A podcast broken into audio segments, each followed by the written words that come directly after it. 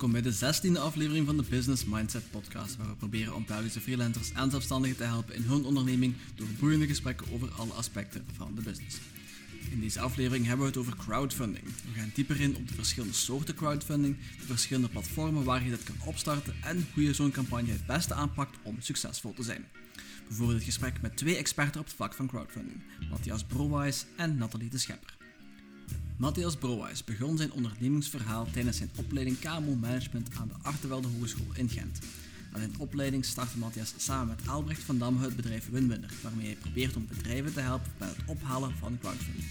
Enkele jaren later stond hij vervolgens mee aan de basis van The Harbor, een bedrijf met als doel om andere start-ups te laten groeien op zowel financieel, juridisch als strategisch vlak. Nathalie de Schipper is startersadviseur en crowdfunding-expert bij FOCA Antwerpen-Waasland. Daar begeleidt ze bedrijven uit verschillende industrieën bij het opstarten van hun bedrijf en in hun zoektocht naar financiering. Daarnaast is ze ook founder van het modelabel Tiny Dreams, een label dat zich focust op kleine vrouwen. Haar eerste collectie financierde ze zelf met een crowdfunding-campagne. Tot slot is ze ook actief als docent ondernemerschap op de AP Hogeschool en de Karel de Grote Hogeschool en publiceert deze zomer een eigen boek over crowdfunding in België. Voor meer informatie over zowel mijzelf als alle gasten kun je steeds terecht in de description van deze episode. Daar vind je opnieuw een korte bio als ook links naar de social media accounts waar je hen kan bereiken. Dat was de laatste van mij. Hope you enjoy the episode.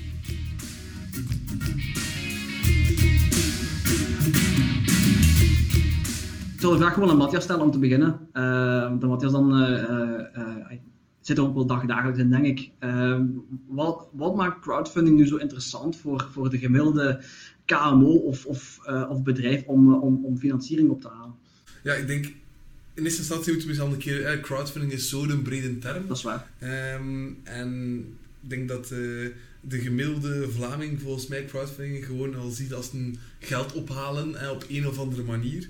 Um, maar er zijn zoveel verschillende vormen waardoor dat ja, voor een ondernemer vaak maar een specifieke vorm is dat hij moet kiezen. Um, ik denk mijn uh, focus ligt vooral op crowdlending, wat een van de vormen is. Um, jouw focus is, is vooral reward-based? In feite alle vormen, maar de meeste campagnes die ik doe of ah, ja, ik begeleid zijn reward-based campagnes. Ja, ja. Dus misschien moet wel een keer beginnen met... Met die termen uit te Met alle vormen uitleggen, want dat zal het gemakkelijkste zijn. Hè? Oké, okay, we zullen elk eentje pakken. Jij moet beginnen met donatie. Met donatie, ja. Dus donatie, gebaseerde crowdfunding, is een type van crowdfunding waar dat je geld gaat ophalen, maar de personen die dat geld geven, die doneren dat en die krijgen dus geen tegenprestatie in ruil. Dus de verschillende vormen van crowdfunding en hun benamingen komen eigenlijk van wat je als tegenprestatie krijgt. En dan Matthias, reward-based crowdfunding. Ja, ik zal de reward-based. Ja, dat is eigenlijk een, een, vorm, het woord zegt het ook zelf. Hè. Je gaat eigenlijk ja, als onderneming of als project een bepaald um, iets willen gaan financieren. Je gaat in ruil voor het geld dat je krijgt, ja, gaat je het product of dienst dat je vaak maakt, uh, gaan geven na een bepaalde tijd. Um, en heel, het meest concrete voorbeeld is een artiest die CD wil op de markt brengen, daar geen geld voor heeft. En als hij genoeg geld verzameld heeft, die de CD uiteraard opstuurt. Dus eigenlijk, de reward is hier de CD die de uh, mensen die dan effectief investeren ook verkrijgen. Dus het gaat echt over iets fysiek ja, krijgen als het project effectief geslaagd is. Dat is bijvoorbeeld een Kickstarter. Kickstarter, Indiegogo, in, in, in Belgisch vooral Ulule en vroeger Hello, Hello Bank, Crowd, Crowd. Maar die zijn gemerged met, uh, met Ulule. En dan heb je nog Kies Kies Bang Bang uh, hier in België. Ja, geloof het of niet, Kies Kies Bang Bang. Maar dat is meer creatieve projecten dat het daar vooral uh, goed doen. Maar de meeste reward-based campagnes die ik krijg, zijn, zijn vaak ondernemers die een productie van een bepaald iets willen opstarten en die dan eigenlijk zo kunnen voorfinancieren, zonder dat ze al meteen moeten investeren, dat ze al... Een soort proof of concept eigenlijk. Hè? Als, als uw campagne slaagt met reward-based crowdfunding, dan weten er zijn klanten voor. Ik denk dat we zullen straks misschien wel voorbeeldjes doorsturen. Zullen eerst even ja, doorgaan. Anders, anders gaan we hier uh, een uur over. Uh, um, ja, crowdlending. Ja, um, dat is uw dat, maar ik zal ik hem uitleggen. um, dus uh, ja, crowdlending, dat is eigenlijk dat de, dat de crowd, dat er dus meerdere mensen een, een bedrag eigenlijk lenen aan een ondernemer. Dat kan pure crowdlending zijn, maar dat kan ook met een converteerbare lening werken. Ik weet niet of jullie dat ook doen. Wij, uh, wij mogen dat doen, maar we, doen dat, we gaan dat binnenkort gaan doen. Ja. Uh, bij ons is vooral gewoon achtergestelde leningen. Ja. Maar dat kan vanaf heel kleine bedragen. Hè. Mensen denken zo leningen, grote bedragen, maar dat kan vanaf 500 euro bij ons kun je een lening geven aan een Vlaamse onderneming, is dat dan bij ons. Ja, en je krijgt dan ook een aantal belastingsvoordelen aan bij, in bepaalde cases. Dus dat maakt het ook wel interessant. Ehm, maar ja, de ondernemer moet natuurlijk ook wel dat bedrag terugbetalen. Het is en blijft een lening. Hè. Dus, en dan de laatste vorm is equity. Ja, equity. Eigenlijk daar heb je ehm, mensen die investeren, die, ehm, die krijgen eigenlijk een aandeeltje van, van het bedrijf. Dus die gaan eigenlijk allemaal investeren. Die zijn dan een deeltje eigenaar van het bedrijf. En die hopen dan dat het bedrijf misschien later met heel veel winst uh, zal verkocht worden. Uh, en dat ze eigenlijk een aandeel maal 2, maal 10, uh, eh, wie weet, maal 50 terug kunnen krijgen. Of, door degene die, die het aandeel van hun koopt. Um, dat is natuurlijk ja, iets minder tastbaar, hè, want je weet natuurlijk niet ja, wat dat bedrijf ooit zal waard zijn. Misschien zal dat misschien zelf ja, aan mindere prijs ooit uh, verdwijnen. Dus dat is natuurlijk minder tastbaar. Dus denk, bij, bij donatie weet je, ja, je krijgt in principe niks buiten een goed gevoel. Um, bij reward krijg je effectief concreet product of, dienst. Bij lending weet je wel wat je krijgt, want het is een lening, dus dat heeft natuurlijk bepaalde uh, renteverdiensten die daarop staan.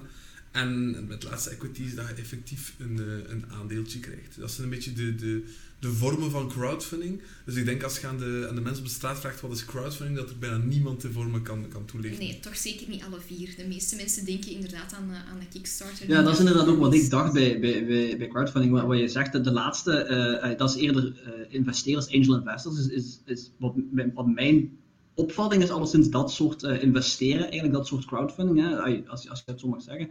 Maar dat, ik had nooit gedacht dat dat onder de noemer crowdfunding ook te, te vatten was. Dat is meer investeren eerder in... in maar, maar eigenlijk moet je het zien, um, ze hebben net die equity crowdfunding gemaakt omdat de mensen die investeren daarom niet allemaal grote angel investors moeten zijn. Dat hoeven niet de, de, de grote business angels te zijn.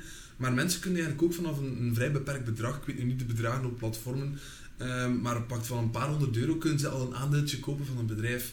Wat maakt dat dat eigenlijk um, ja, mensen zijn die wel besef hebben van risico, want je weet niet wat het kan opbrengen.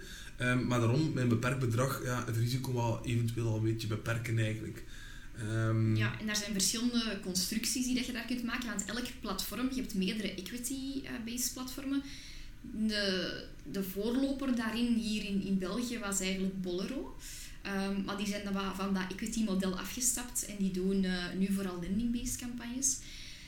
Maar ja, binnen die equity zie je dat, uh, dat er mensen zijn, sommige uh, investeren 100 euro, andere 5000. Dus dat hangt heel hard af van, ja, van welk type persoon dat die campagne gaat bekijken en hoeveel dat die wilt gaan investeren. Maar dat zijn inderdaad, zoals Matthias zegt, zeker niet de grote investeerders.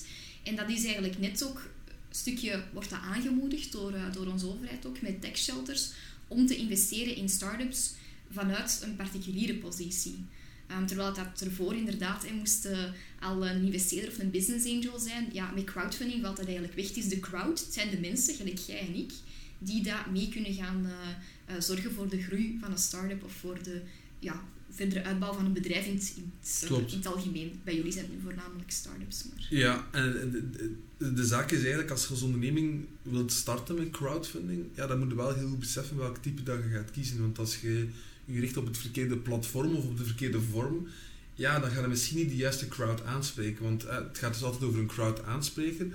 Maar als je zegt van ja, de mensen rondom mij willen, willen mij vooral steunen, en, en omdat ze mij sympathiek vinden als ondernemer of, of mij, ze vinden mijn product heel tof. En je komt dan aankloppen met equity crowdfunding, waarbij dat ze zoiets hebben van oei, maar ik wil ik helemaal geen aandelen in het bedrijf. Ik wil eigenlijk gewoon uw product kopen.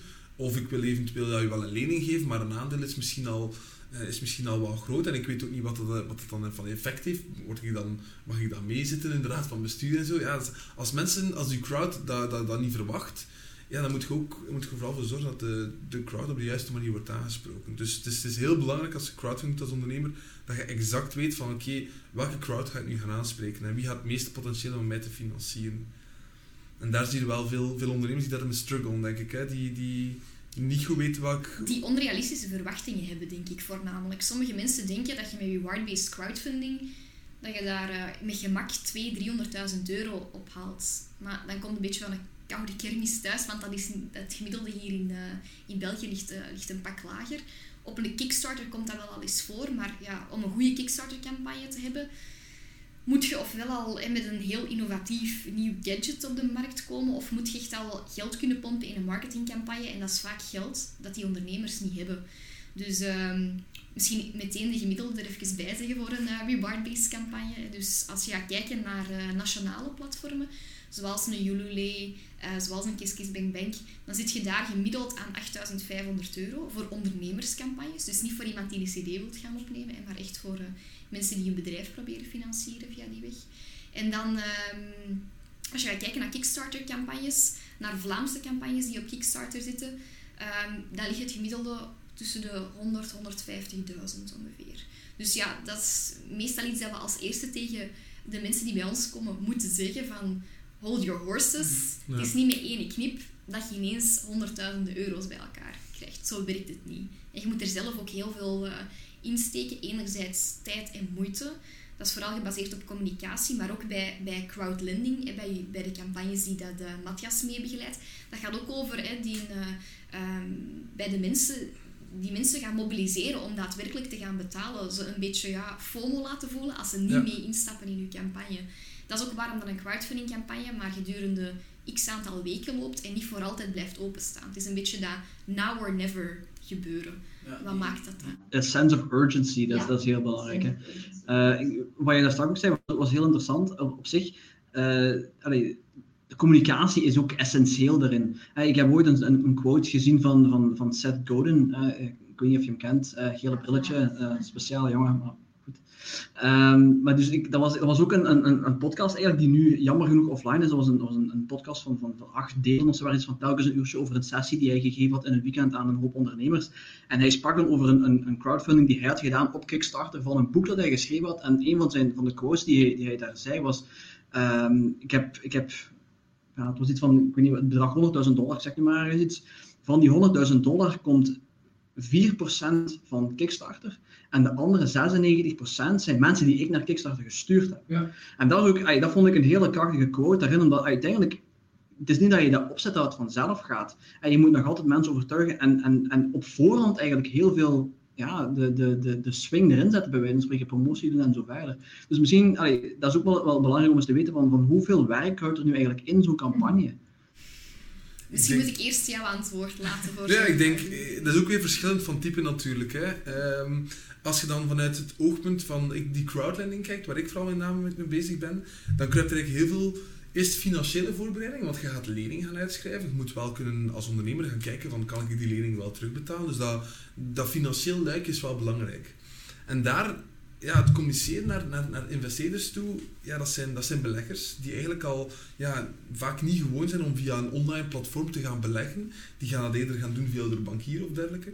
Um, dus je moet die al gaan overtuigen van, ja, je kunt ook beleggen via een platform zoals een crowdland platform. Je staat er dan op als ondernemer. En dan is het kwestie om die mensen inderdaad te gaan overtuigen. En dat, doet, dat doen wij via webinars. Wij gaan, als je in de pers staat, dan hebben we vaak wel credibiliteit mee. Um, wij gaan een heel communicatieplan op voorhand gaan, gaan uitwerken. En dan nog, als mensen in het platform aan het investeren zijn, en bijvoorbeeld ze lopen vast of ze zijn toch aan twijfel, ja, dan is het onze taak nog vaak om, om die mensen te gaan opbellen, van, om die toch wel een stuk gerust te gaan stellen van, ja, uw geld komt hier op een goede manier terecht. Dus daar komt heel wat voorbereiding bij kijken, maar ook tijdens de campagne. Het is niet omdat je campagne dan live staat, dat je zomaar moet links laten liggen. Het, natuurlijk, het grote voordeel aan crowdlending is dat um, de mensen die investeren vaak ook meerdere keren investeren. Um, elk crowdlending-platform heeft altijd een database van investors die dan gewoon beleggers zijn, die eigenlijk in meerdere campagnes gaan investeren. En dat is soms iets minder bij een type van reward-based, waar dat echt die fans moeten zijn. Misschien even meegeven dat die, die fans bereikt, want je hebt dat een paar keer gedaan, hè? Ja, klopt. Um, ja, elke, elk jaar begeleid ik ongeveer een zestigtal ondernemers met reward-based campagnes. Dus ik heb al heel wat zien passeren. Nu, om even terug te komen op die crowdlending, vind ik wel dat hoe langer een crowdlending platform bestaat, hoe meer waarde er ook in zit, omdat inderdaad die database groeit. En op een duur, als je... Um, jullie zitten eigenlijk ook wel een stukje op dat punt, waar je al heel veel mensen hebt die al eerder in campagnes hebben geïnvesteerd, dat daar een goede ervaring mee hebben gehad, dan kruipt er minder en minder tijd in de campagne voor de ondernemer, omdat je eigenlijk al die vaste crew hebt. En dat gaat alleen nog maar meer worden in de toekomst, dus... Dat toch ook. Ja. dus uh, voilà, ik stuur bij deze veel uh, ondernemers die willen crowdlenden naar jullie. Bij reward-based crowdfunding kun je, kan je niet zeggen dat het platform echt heel veel doet of heel veel betekent. Hè. Het platform is eigenlijk hoogstens een vorm van credibiliteit, een soort van derde partij, dat vertrouwen inboezemt bij de mensen. Maar de tractie op je pagina, die moet inderdaad, die moet je zelf gaan verwezenlijken. Dat, uh, dat gaat niet komen van, uh, van mensen die op het platform zitten. Zoals Seth Godin heeft gezegd, 4% dat lijkt mij zelfs al veel. Alleen maar voor een Seth Godin is dat nu denk ik wel normaal als mensen die de naam zien passeren op platform. Maar heel veel van die scrollgebruikers, ja, die zijn vaak moeilijk om te bereiken. Zeker omdat op, op een internationaal platform als een Kickstarter er heel veel campagnes per, uh, per dag lanceren. Nu, nationaal is dat wel wat minder. Maar dan heb je ook minder die een animo uh, dat je hebt op Kickstarter, waar er altijd wel zo de nieuwste en de coolste gadgets uh, gaan, gaan verschijnen.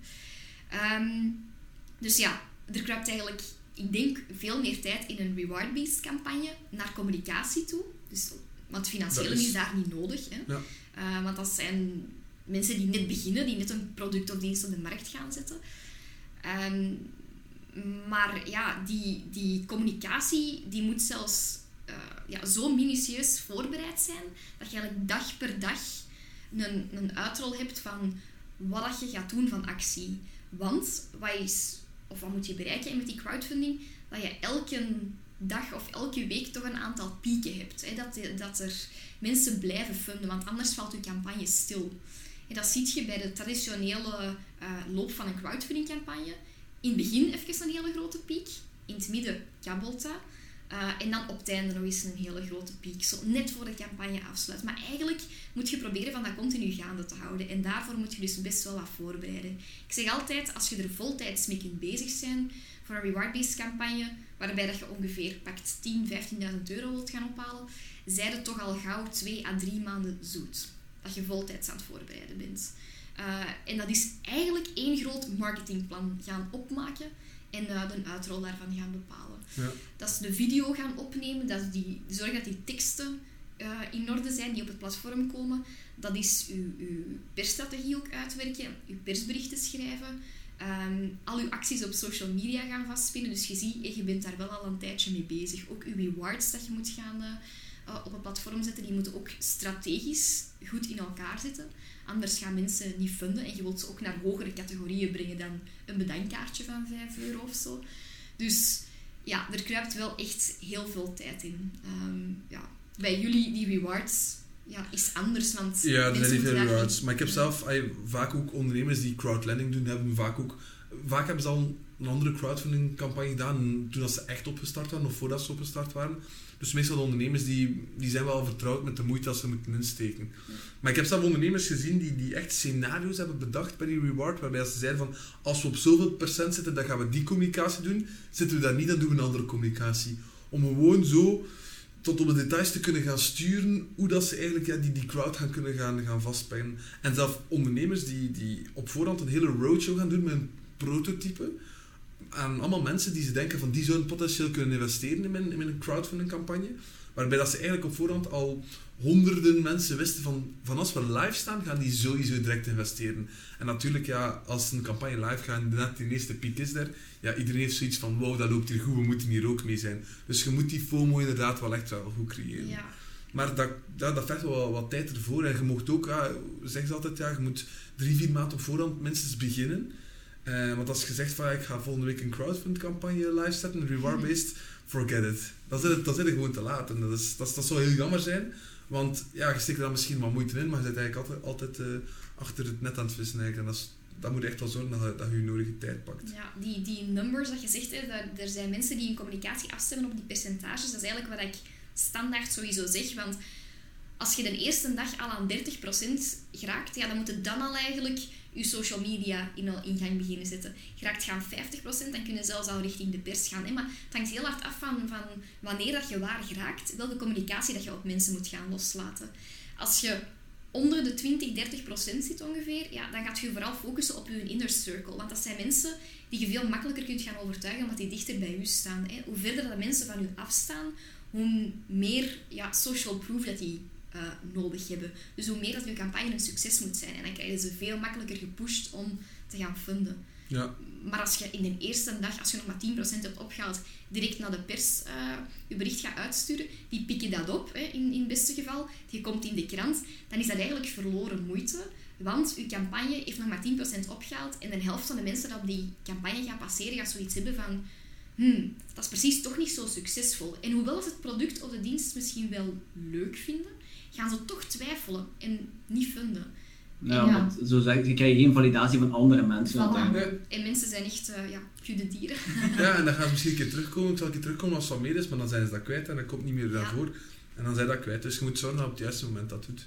Bij ons dat ook altijd. Eigenlijk, wij, vanuit, vanuit de onderneming zelf, communiceren wij nooit over een campagne als die nog niet 15% al gefinancierd is uit zijn eigen netwerk.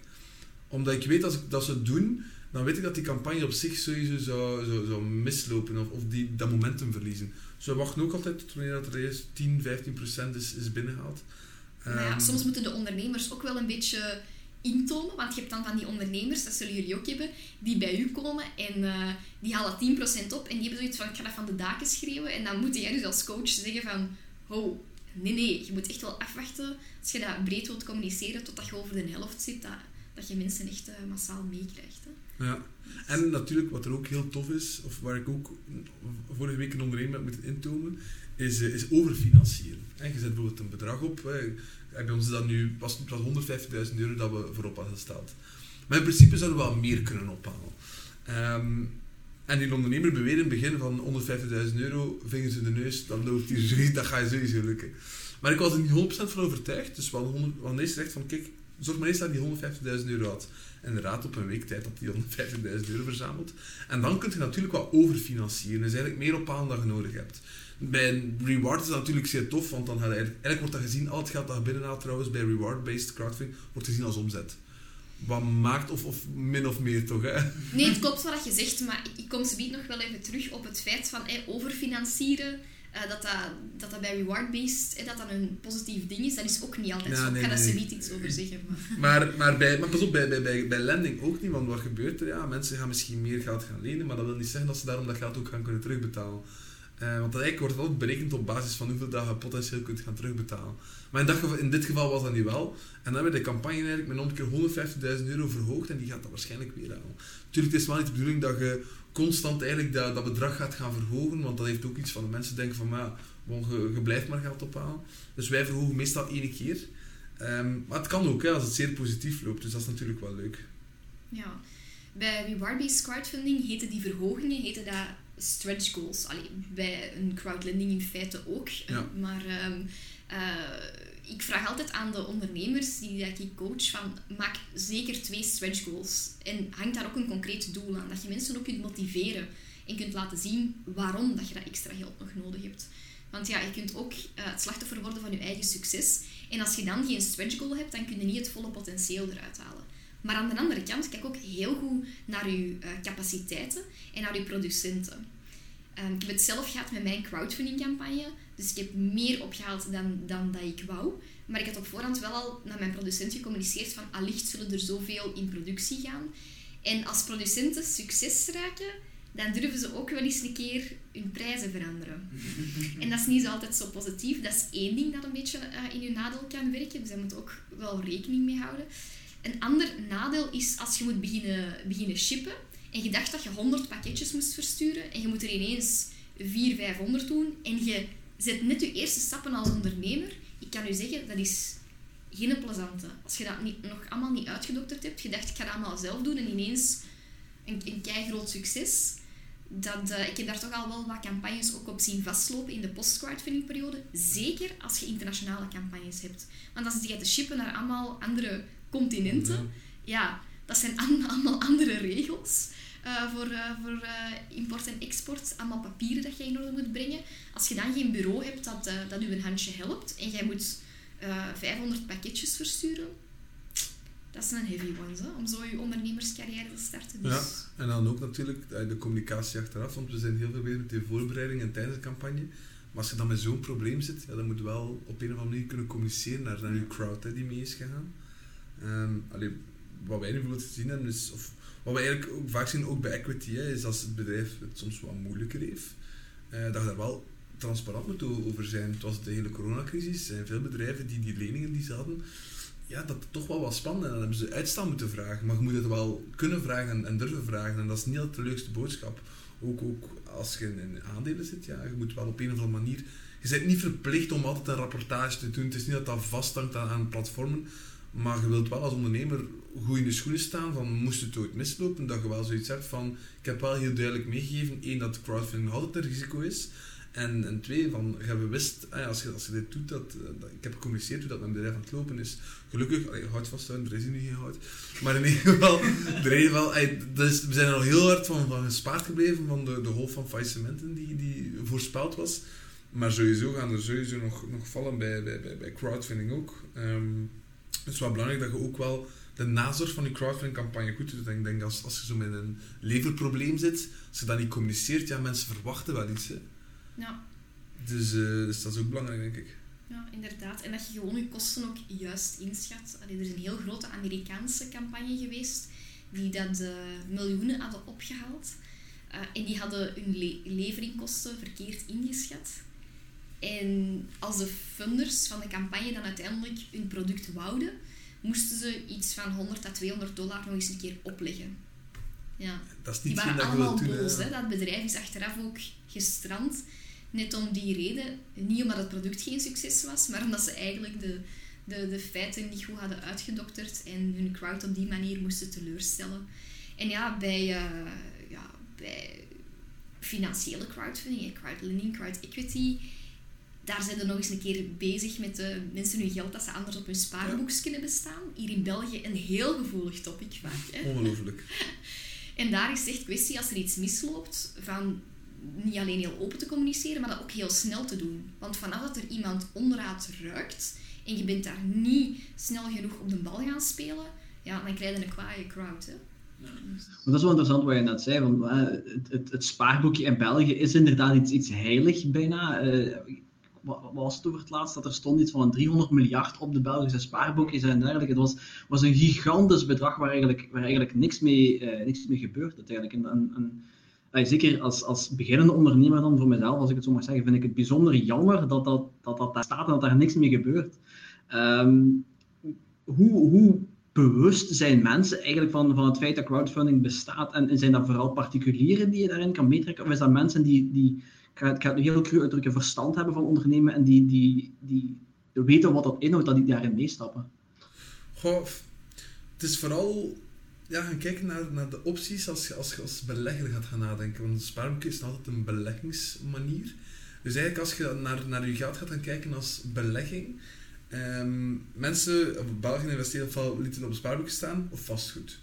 Maar vandaag, alleen los van dat het heel veel geld staat, is vastgoed immens duur geworden. Het is heel moeilijk om als, als, als, jong persoon, hè, dat is eigenlijk, ik ben 27 jaar, ik wil een huis gaan kopen, ja, dat gaat niet meer zomaar. Dus eigenlijk een investering is dat vastgoed ook niet meer. Dus vandaar zijn mensen wel op zoek naar alternatieven. Zijn ze daar allemaal van bewust dat er zoveel alternatieven zijn of dat het crowdfunding bestaat? Nee. En dat is denk ik ook wel een beetje de rol dat niet alleen eh, de, de, platformen moeten gaan spelen, maar ook vanuit de overheid moet gestimuleerd worden van ja, zorg dat het slapend spaargeld richting de economie op een of andere manier vloeit. En, en het is al gezegd geweest, hoe gaat je dat gaan doen? Door op investeringen fiscale voordeel te gaan koppelen. Als de Vlaming nog altijd hoort van ik kan een belastingsvoordeel krijgen, wel, dan wordt hij wel een keer wakker. Dan zijn ze eraf, ja. Ja, en dat hebben we gezien, los van het beleid dat we ook gezien met de zonnepanelen en dergelijke. Eh, dus dan, en dat scenario zou wel op een of andere manier kunnen gaan, um, uh, gaan terugbrengen door dat natuurlijk te gaan stimuleren. Dat wordt gedaan, maar veel te beperkt. Hè? Het moet nog veel meer gestimuleerd worden. Dus als er iemand luistert die naar de podcast en iets in de pap te brokken heeft rond die wetgeving. Taxshelter, super mooi initiatief in Taxshelter voor uh, crowdfunding campagnes, maar het moet echt nog meer opengetrokken worden. Als je kijkt naar het buitenland, waar het er ook veel minder regels zijn. Hè, uh, ja, ik denk dat er weinig zaken zijn waar in het buitenland meer regels zijn dan in België. maar eigenlijk, ja. het moet zijn, inderdaad, moet, moet veel meer gestimuleerd worden. Nu, um, het is al veel beter dan Ja, het is zeker inderdaad al veel beter. Um, allee, de bemiddeling is een stuk uitgebreid, dus dat is zeker al wat, wat, wat mooi. En wat wij nu onlangs hebben uh, naar voren gestuurd met alle crowdlending platformen in België, we hebben eigenlijk een gezamenlijke nota gemaakt waarbij dat we gevraagd hebben dat de roerende voorheffing, dat is eigenlijk de belasting die, die je betaalt op de inkomsten van leningen, dat die eigenlijk uh, weg wordt gedaan voor alle uh, crowdlendingen waar je als particulier investeert. En vandaag is die eigenlijk enkel weggedaan voor bedrijven die jonger zijn dan vier jaar. Dus echt voor start-ups wat maakt dat dat dan het grootste risico is? Vandaar wil de overheid dat een stuk stimuleren, maar eigenlijk een, een onderneming die dan net iets ouder is dan VIA, die kan daar geen gebruik van maken, wat super jammer is, want die heeft ook evenveel nood aan extra financiële mogelijkheden via, crowd, uh, via crowdfunding en crowdlending. Dus we hebben dat nu naar voren gebracht van, eh, doet die roerende voorheffing weg op alle vormen van crowdfunding.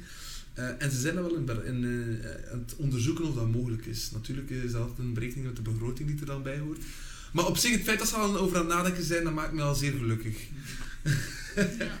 maar dat zou wel fantastisch zijn, want als je ziet, ik denk, afgelopen jaar was er 46 um, miljoen aan crowdfunding, of crowdlending, excuseer, gepasseerd via de, de platformen. Ja, als we kijken naar Nederland, dat is, spreken we over een, een tienvoud. Hè. Um, dus ja, het is dan ook kwestie van... En dan hebben we het nog niet over de UK. Dat is ja. al helemaal te zot voor woorden. Allee, dat we al, altijd al een beetje achterlopen op Nederland. Dat is uh, algemeen geweten. Dat was bij de e-commerce in een tijd ook. Hè. Toen dat ze daar alles al online bestelden, nog durfden wij maar juist een boek online bestellen. nog altijd. Hè. Ja, de mentaliteit is daar ook gewoon anders. Minder risico-avers, want dat hebben wij ook wel een stukje tegen met crowdfunding. Terwijl dat eigenlijk het risico redelijk beperkt kan zijn. Of, of, soms zelfs redelijk beperkt is. En ja, bij reward-based crowdfunding, daar spreek ik zelfs al niet echt over een risico. Ofwel um, steunde iemand in een opstart. En ja, als ze dan nog eens een keer een reward kunnen leveren, heb je eigenlijk gewoon een product gekregen in ruil voor, uh, voor het geld dat je hebt gegeven.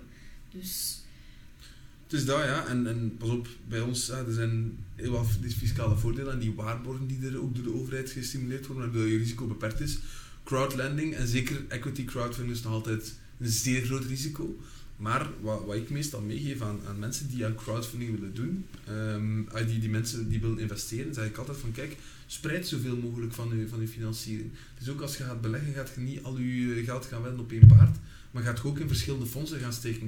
Het is net hetzelfde bij crowdfunding. Als je wilt investeren via een crowdlending platform of een equity, ja, steek dan liever uh, als je 10.000 euro te, te, beleggen hebt, steek dan liever 1000 euro in 10 verschillende bedrijven dan 10.000 euro in één bedrijf. En als je zo logisch nadenkt, ja, dan ga je risico inderdaad weer een stukje beperkt zijn. Het zal nooit weg zijn, maar je kunt het wel een beetje gaan monitoren. En um, dat is iets dat, ja, dat natuurlijk dat je zelf moet gaan doen, waar daar er geen bankier voor je zit die zegt van we zullen dat eens zo gaan aanpakken. Je moet natuurlijk wel zelf dat initiatief pakken. En dat zal misschien ook wel net de reden zijn waarom dat veel mensen zoiets hebben van oei, moet ik nu zelf mijn keuze maken in welke bedrijven? En dat is misschien soms wel de drempel. Maar ik denk, hoe meer en meer mensen dat er effectief aan crowdfunding gaan doen, ehm, hoe meer de mensen dat ook zal aanvaarden als van oké, het is risico, maar bon, uh, we gaan het een keer proberen. Dat is, uiteindelijk komt het erop neer dat veel mensen nog gewoon goed geïnformeerd moeten worden voor een heel groot stuk. En dan vraag ik mij af van, van wie zijn taak, taak tussen, uh, tussen aanhalingstekens, want uiteindelijk dat is een heel fout woord, maar wie zijn taak is het eigenlijk om dat te doen? Want uiteindelijk jij als, als win-winner zijnde en de Harvard misschien ook, Um, hey, voor een stuk is dat, is dat wat je doet. En mensen informeren, inlichten hoe dat ze het eigenlijk moeten doen. Terwijl de ondernemer die een crowdfunding platform gebruikt, die wil vooral zijn eigen campagne promoten. Die moet dan eigenlijk zelf ook dat nog voor een stuk opvangen. Hè? Mensen aanspreken en die uitleg doen en maar op. Dan, dan, heb ik zoiets van, missen wij dan een stuk informatie dan? Of, of, of waar, waar schieten wij dan tekort? Maar ik denk gewoon, ja, inderdaad, die informatie... Uh, wij stimuleren dat zeer hard. En we doen dan webinars waar we dat allemaal toelichten hoe dat allemaal werkt. En, en de mensen die erop zitten, die zijn meestal overtuigd van oké, nu snap ik het. Maar het is ook een beetje de, de pers die dat moet mee ondersteunen. Nu gelukkig, als je van het weekend de tijd hebt gelezen, er was een heel artikel in over crowdlending dat echt aan het boom was. Zeer mooi uitgelegd. Uh, zulke zaken helpen natuurlijk ook. En je weet ook, ja, als morgen een, een, een, pak nu een grote crowdfunding campagne de boot zou gaan en de pers gaat opspringen van oei, dat was toch een groot risico en via crowd, ja, dat kan natuurlijk ook heel snel terug naar beneden gaan. Dus dat is ook een beetje de, de, de, de taken van, van de pers en de, de literatuur die de belegger leest om dat een beetje te gaan stimuleren. Tuurlijk, maar dan heb je weer... de tijd is, is een, een, een, ja, ik zal niet zeggen een financieel dagblad, want zo erg is het niet, maar het is financieel gerichter dan bijvoorbeeld een, een laatste nieuws. Hè. Dan, dat, ondanks het feit dat, dat je daar misschien wel de juiste mensen bereikt, bereik je nog maar een heel beperkt publiek uiteindelijk. Ja. is, het, is het daarom niet dat we, dat we gewoon dat nog in een ander, een ander kanaal, een andere medium moeten gaan verspreiden? Ja, wat ik heel erg vind is dat ehm, via andere, meer mainstream kanalen, waar je een grotere populatie bereikt, dat de crowdfunding vaak als een gimmick gebruikt wordt. Van, ah, er is een heel grote Kickstarter-campagne geweest, die hebben zoveel opgehaald zonder eigenlijk de mensen inderdaad echt te informeren. En dan denk ik bijvoorbeeld ehm, aan, uh, aan VTM, VRT, die af en toe wel eens een keer hè, een crowdfunding campagne laten zien, maar er eigenlijk ja, weinig achtergrond over geven. Van gewoon, ah, die hebben veel geld opgehaald. Maar daarmee weet je natuurlijk niks. Hè. Of, ja, crowdfunding, ah, dat zijn ondernemers die, eh, die geld gaan halen van anderen en die daarmee dan hun, uh, hun onderneming financieren. Want wat ik zie bij heel veel van, uh, van de ondernemers die via crowdfunding uh, geld gaan ophalen, is dat ze heel vaak kritiek krijgen van mensen die dat niet begrijpen wat het is. Dus dat zijn zeker niet de mensen die dat de tijd lezen, denk ik. Um, dat, dat die eigenlijk het verwijt krijgen van, ah, ja, je doet zelf je best niet. Of, ah, ja, crowdfunding, ja, dat is de easy way. Je vraagt gewoon geld aan anderen en zo gaat je ondernemen. Ja, maar dat, voor dat is echt waar, dat is echt zo, hè. Zeer kort door de bocht. Ja, maar ik, ik vind dat hilarisch. En pas op, in het begin had er daar veel mee in, maar zoals wij een, een campagne lanceren, doen we dat ook op onze eigen social media. En af en toe zetten we daar dan wat ads op. En de ondernemer zet ook op zijn eigen, om, om zijn campagne te boosten, ook wat ads op zijn, eh, op zijn social media kanaal. En dan krijgen we dus op elke, op elke campagne dat we lanceren, krijgen we wel een of andere persoon die zegt van ja, ga maar, als je geld niet bij de bank kunt krijgen, zult je het nergens krijgen. Of uh, ik zou ook willen financiering krijgen, kan je mij, hier is mijn rekeningnummer. Echt, dat krijgen we heel vaak binnen. En dat zijn inderdaad mensen, ja, die, die natuurlijk, ja, dus op iedereen mag zijn mening hebben. Ik vind het ook, ja, ik vind het ook leuk om te zien dat, dat er mensen anders denken dan, maar op zich... Um, het moet wel geïnformeerd zijn. Ja, maar dat zijn mensen die, die, die heel snel daar een oordeel aan, aan geven. Maar goed, zo gaat er altijd blijven. Het is gewoon een kwestie van de goede campagnes, ja, om daarmee naar buiten te komen op een geïnformeerde Ja, manier. ja. En echt campagnes van ondernemers. Hè. Alleen nu, ook op, op VTM onlangs, was zo de, eh, de campagne voor die deelnemers van, Huis, van ja. Huis Gemaakt. Ja, ja, juist, Ehm, ja. Harry en Jerina, trouwens, ik hoop dat die dat geld bij elkaar krijgen om een huis te kopen, want ik vond dat een super sympathiek koppel, by the way. Ehm, en iedereen allee, voelt daar ook natuurlijk heel veel sympathie mee, maar ja, dat gaat dan weer over een donation gebaseerde crowdfunding. En die crowdfunding komt dan natuurlijk eh, in, de, in de pers. Hè. Heel veel mensen zien die campagne. Maar dat is natuurlijk niet hetzelfde type crowdfunding als dat je als ondernemer doet. Maar op den duur gaan mensen dat wel denken. Ah, ja, die gaat gewoon eigenlijk geld weggeven. Maar zo werkt het niet. En ja, ik denk zeker naar die financiële crowdfunding. eh, ik denk dat, eh, dat voor Matthias nog veel moeilijker is voor rond crowdlending en crowd equity mensen te gaan financieren. Bij reward-based crowdfunding vind ik op zich dat dat nog wel goed meevalt. Ik zeg het, ik begeleid in alle vormen van crowdfunding bij VOCA. Maar de meerderheid van de campagnes die tot bij mij komen, ja, zijn, eh, zijn reward-based campagnes. En dan begin ik uit te leggen van, ja, op termijn kun je dan misschien hè, nog een crowdlending of een crowd equity doen als je... eh, Dat is ook misschien omdat die het makkelijkste te begrijpen is. Allee, Je, je betaalt eigenlijk op voorhand je krijgt achteraf krijg je, je, waarde, je waarde. Terwijl equity, ja, dan moet je al echt beginnen snappen hoe dat... het- Ja, bij equity zijn er inderdaad verschillende constructies. Maar op zich, ja, lending-based is in feite ook een hele logische. Hè? Want wie, wie heeft al eens niet geld geleend hè, voor, een, eh, voor, een, voor een huis te gaan kopen? De mensen snappen dat principe van lenen heel gemakkelijk. Dus, maar er wordt gewoon niet genoeg ja, de, de focus op gelegd in de media. Allee, nu in de tijd wel, dankjewel. Ja, maar dat was inderdaad, dat, dat was een artikel, maar hebt inderdaad gelijk, als we dat op, op het HLN al proberen te lanceren, dan wordt dat inderdaad een beetje, ja, ze hebben het gedaan via crowdfunding algemeen, maar geen kat die begrijpt of dat nu crowdlending of, niet is. Nee. Maar op zich, wa- wat ik vooral merk is inderdaad, als een ondernemer goed zijn best doet eigenlijk, om, om een bepaalde community rond, en vaak zijn dat soms wel de eigen klanten of zo, hè, die zeggen van oké, ik kan u een lening geven, als ze dat goed uitlegt. Ja, dat zijn mensen die vaak de eerste keer zo crowdlending doen en dan terugkomen.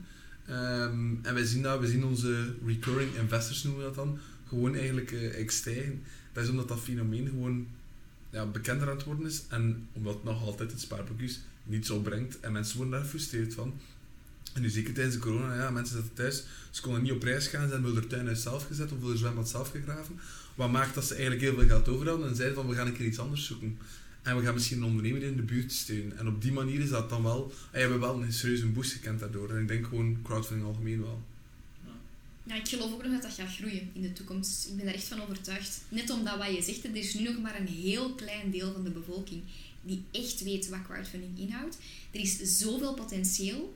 Eh, dus ik denk, als we dat goed promoten, goed verder in de markt zetten, dat eh, ja, Voilà, ze- zijn er weer stapjes gezet. Ja. Ja, we hopen dat. We hopen dat we, dat we toch zoveel mogelijk mensen kunnen bereiken daarmee. Allee, voor zover ik weet, ik weet bijvoorbeeld niet dat er de verschillende soorten waren, dus dat is voor mij al, al, een, al een, een, een, ja, een, een opsticker, ik zal het zo zeggen. Ehm, heb je zo nog zo bepaalde kritieken die, die mensen krijgen? Uh, want je hebt er juist al zo'n paar uh, genoemd. Hè, zo, zo, die, die, dat zijn dan heel kortzichtige kritieken. Maar wat zijn zo nog de, de, de, de weerstanden die mensen meestal geven als je, als je begint met een, met een crowdfunding campagne? Goh, dat valt eigenlijk allemaal vrij goed mee hoor. Het gaat vaak, allee, ik denk inderdaad dat vaak mensen moeten begrijpen dat financiering algemeen is niet meer wat vroeger was. Vroeger als ondernemer ging je naar de bank en daar had je eigenlijk ja, je grootste deel van de financiering op en dan moest een klein, klein beetje nog eigen inbreng gaan, uh, gaan op tafel toveren. Nu op vandaag ja, wil de bank zeker wel nog mee financieren, um, maar voor een veel kleiner deel dan vroeger. Wat maakt dat de ondernemer veel creatiever moet zijn om andere kanalen te gaan aanspreken. Um, en daarvan is crowdfunding één, maar je kunt bijvoorbeeld ook bij de overheid andere financiering gaan halen. Of je kunt bij grote angels, waar we het in het begin over hadden, ook financiering gaan ophalen.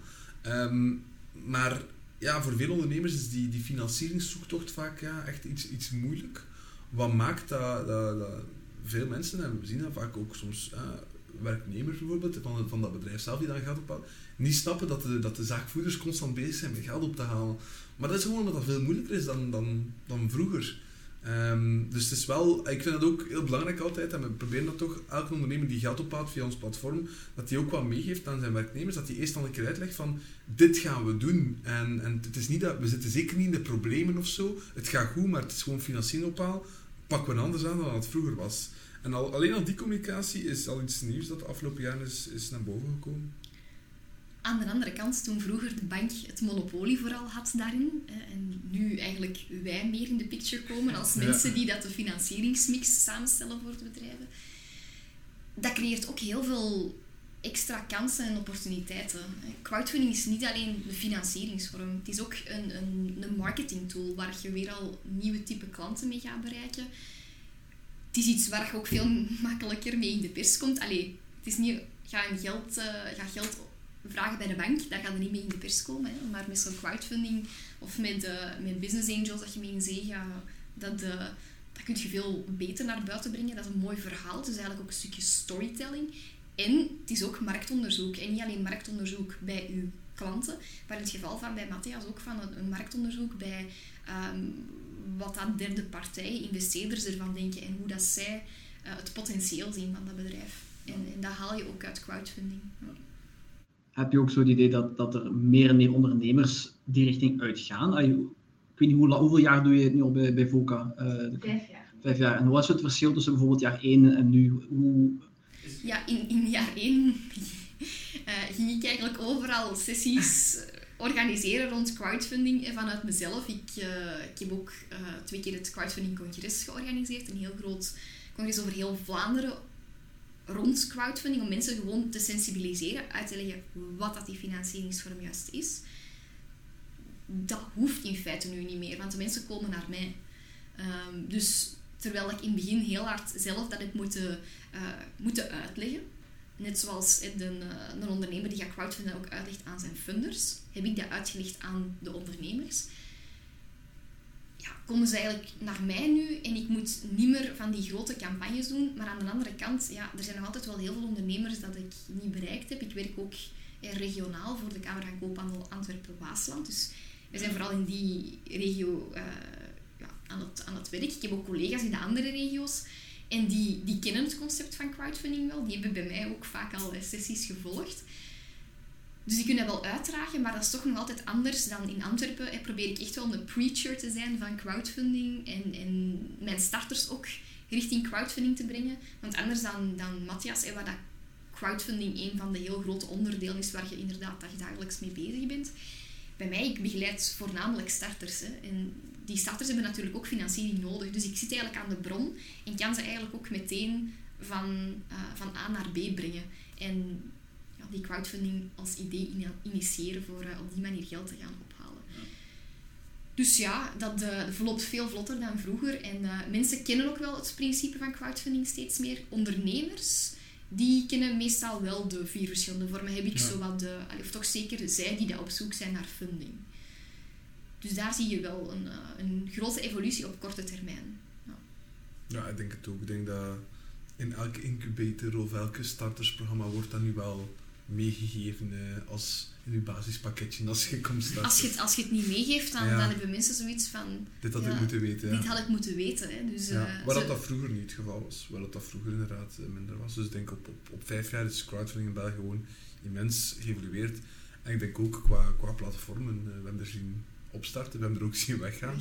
Dus, um, dus ook misschien niet slecht hè, dat, die, dat die markt zo wel, wel een stuk aan het veranderen is. En er zal waarschijnlijk nog heel veel uh, verandering zijn als we kijken naar Nederland. Dan zijn de platformen eigenlijk elkaar aan het opkopen om eigenlijk een globaler aanbod te krijgen. Dat zal misschien hier ook gebeuren. Um, dus het zou sowieso veranderen nog.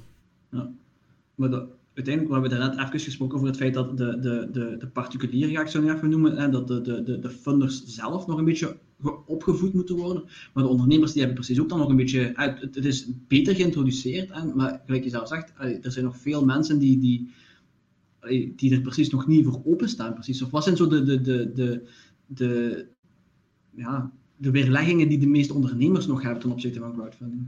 Ik denk, en dat wordt heel weinig gedaan in, in België, equity crowdfunding, en dat weet jij ook, Matthias. Um, maar dat is eigenlijk zonde, want daar zit nog heel veel potentieel in, denk ik.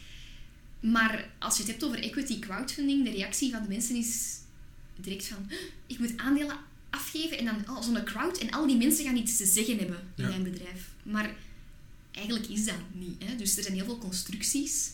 Um, dus die mensen krijgen wel aandelen, maar er zijn heel veel constructies waarbij dat de founder de spokesperson is voor de crowd. Dus dat hoeft echt niet te betekenen dat je ineens heel veel mensen hebt die zich gaan moeien met je bedrijfsvoering. Helemaal niet. Maar dat is vaak nog een misconceptie die wel leeft. En er blijven altijd wel ondernemers die dat heel... Uh, ja, ja, Die zoiets hebben van equity, never. Ik wil ofwel bootstrappen en... Ja, dat is wel. Dom met al die... Uh, en, en ook toen naar buiten... geld, eigenlijk geld vragen. Dat ja. is... Dat, dat, dat, dat zit in onze, in onze genen. Dat zit niet, niet Belgisch. En ik zeg altijd eigenlijk... Als een ondernemer zegt van, maar ik ga niet gaan betalen. Ik zeg, jij gaat geen geld gaan vragen. Jij gaat eigenlijk andere mensen de opportuniteit geven om in nu groeiverhaal te mogen mee-investeren. Dat is iets heel anders. Komt op hetzelfde neer. Maar, maar daar zit het eigenlijk wel. Want als je inderdaad naar een, naar een crowd toe gaat en zegt van mag ik alsjeblieft geld? Nee, dat gaat niet zelfzeker overkomen. Als je zegt van kijk, ik, ik heb een groeiverhaal en jullie kunnen mee-investeren. Je kunt nog kiezen via lening of via Maar jullie mogen meedoen van mij. Ik laat dat open. Normaal zou ik dat niet doen, maar kijk, ik laat dat open. Gaan mensen veel sneller mee-investeren. Dus ja, de, dat, dat tweede, dat durft de Vlaamse ondernemer, of ja, nu tegenwoordig wel, dat wordt een aangeleerd, maar de klassieke Vlaamse ondernemer geld gaan vragen. Alles wat met financiën te maken heeft, dat bleef tussen de vier bedrijfsmuren. En dat ging vooral niet buiten. Ja, weet je, als je financiering vraagt aan mensen, dan moet je ook heel transparant zijn. Dat is een engagement dat je aangaat. En, en dat is ook een stukje waar mensen schrik van hebben. Van, van zichzelf en hun project zo out there uh, te zetten.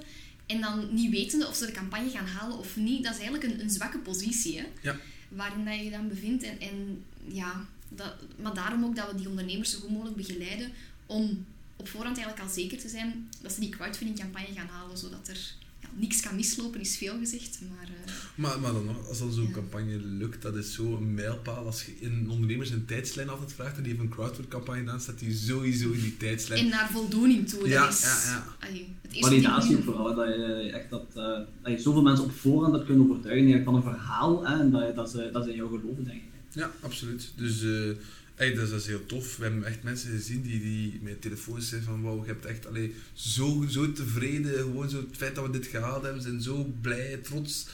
Ja, dat is heel leuk. En dat is ook de reden waarom dat ik een, een crowdlending platform gestart ben. Omdat het gevoel van een ondernemer die net zijn financiering heeft rondgekregen en zijn droom kan, kan verder zetten, ja, dat is eigenlijk het leukste gevoel dat iemand kunt geven.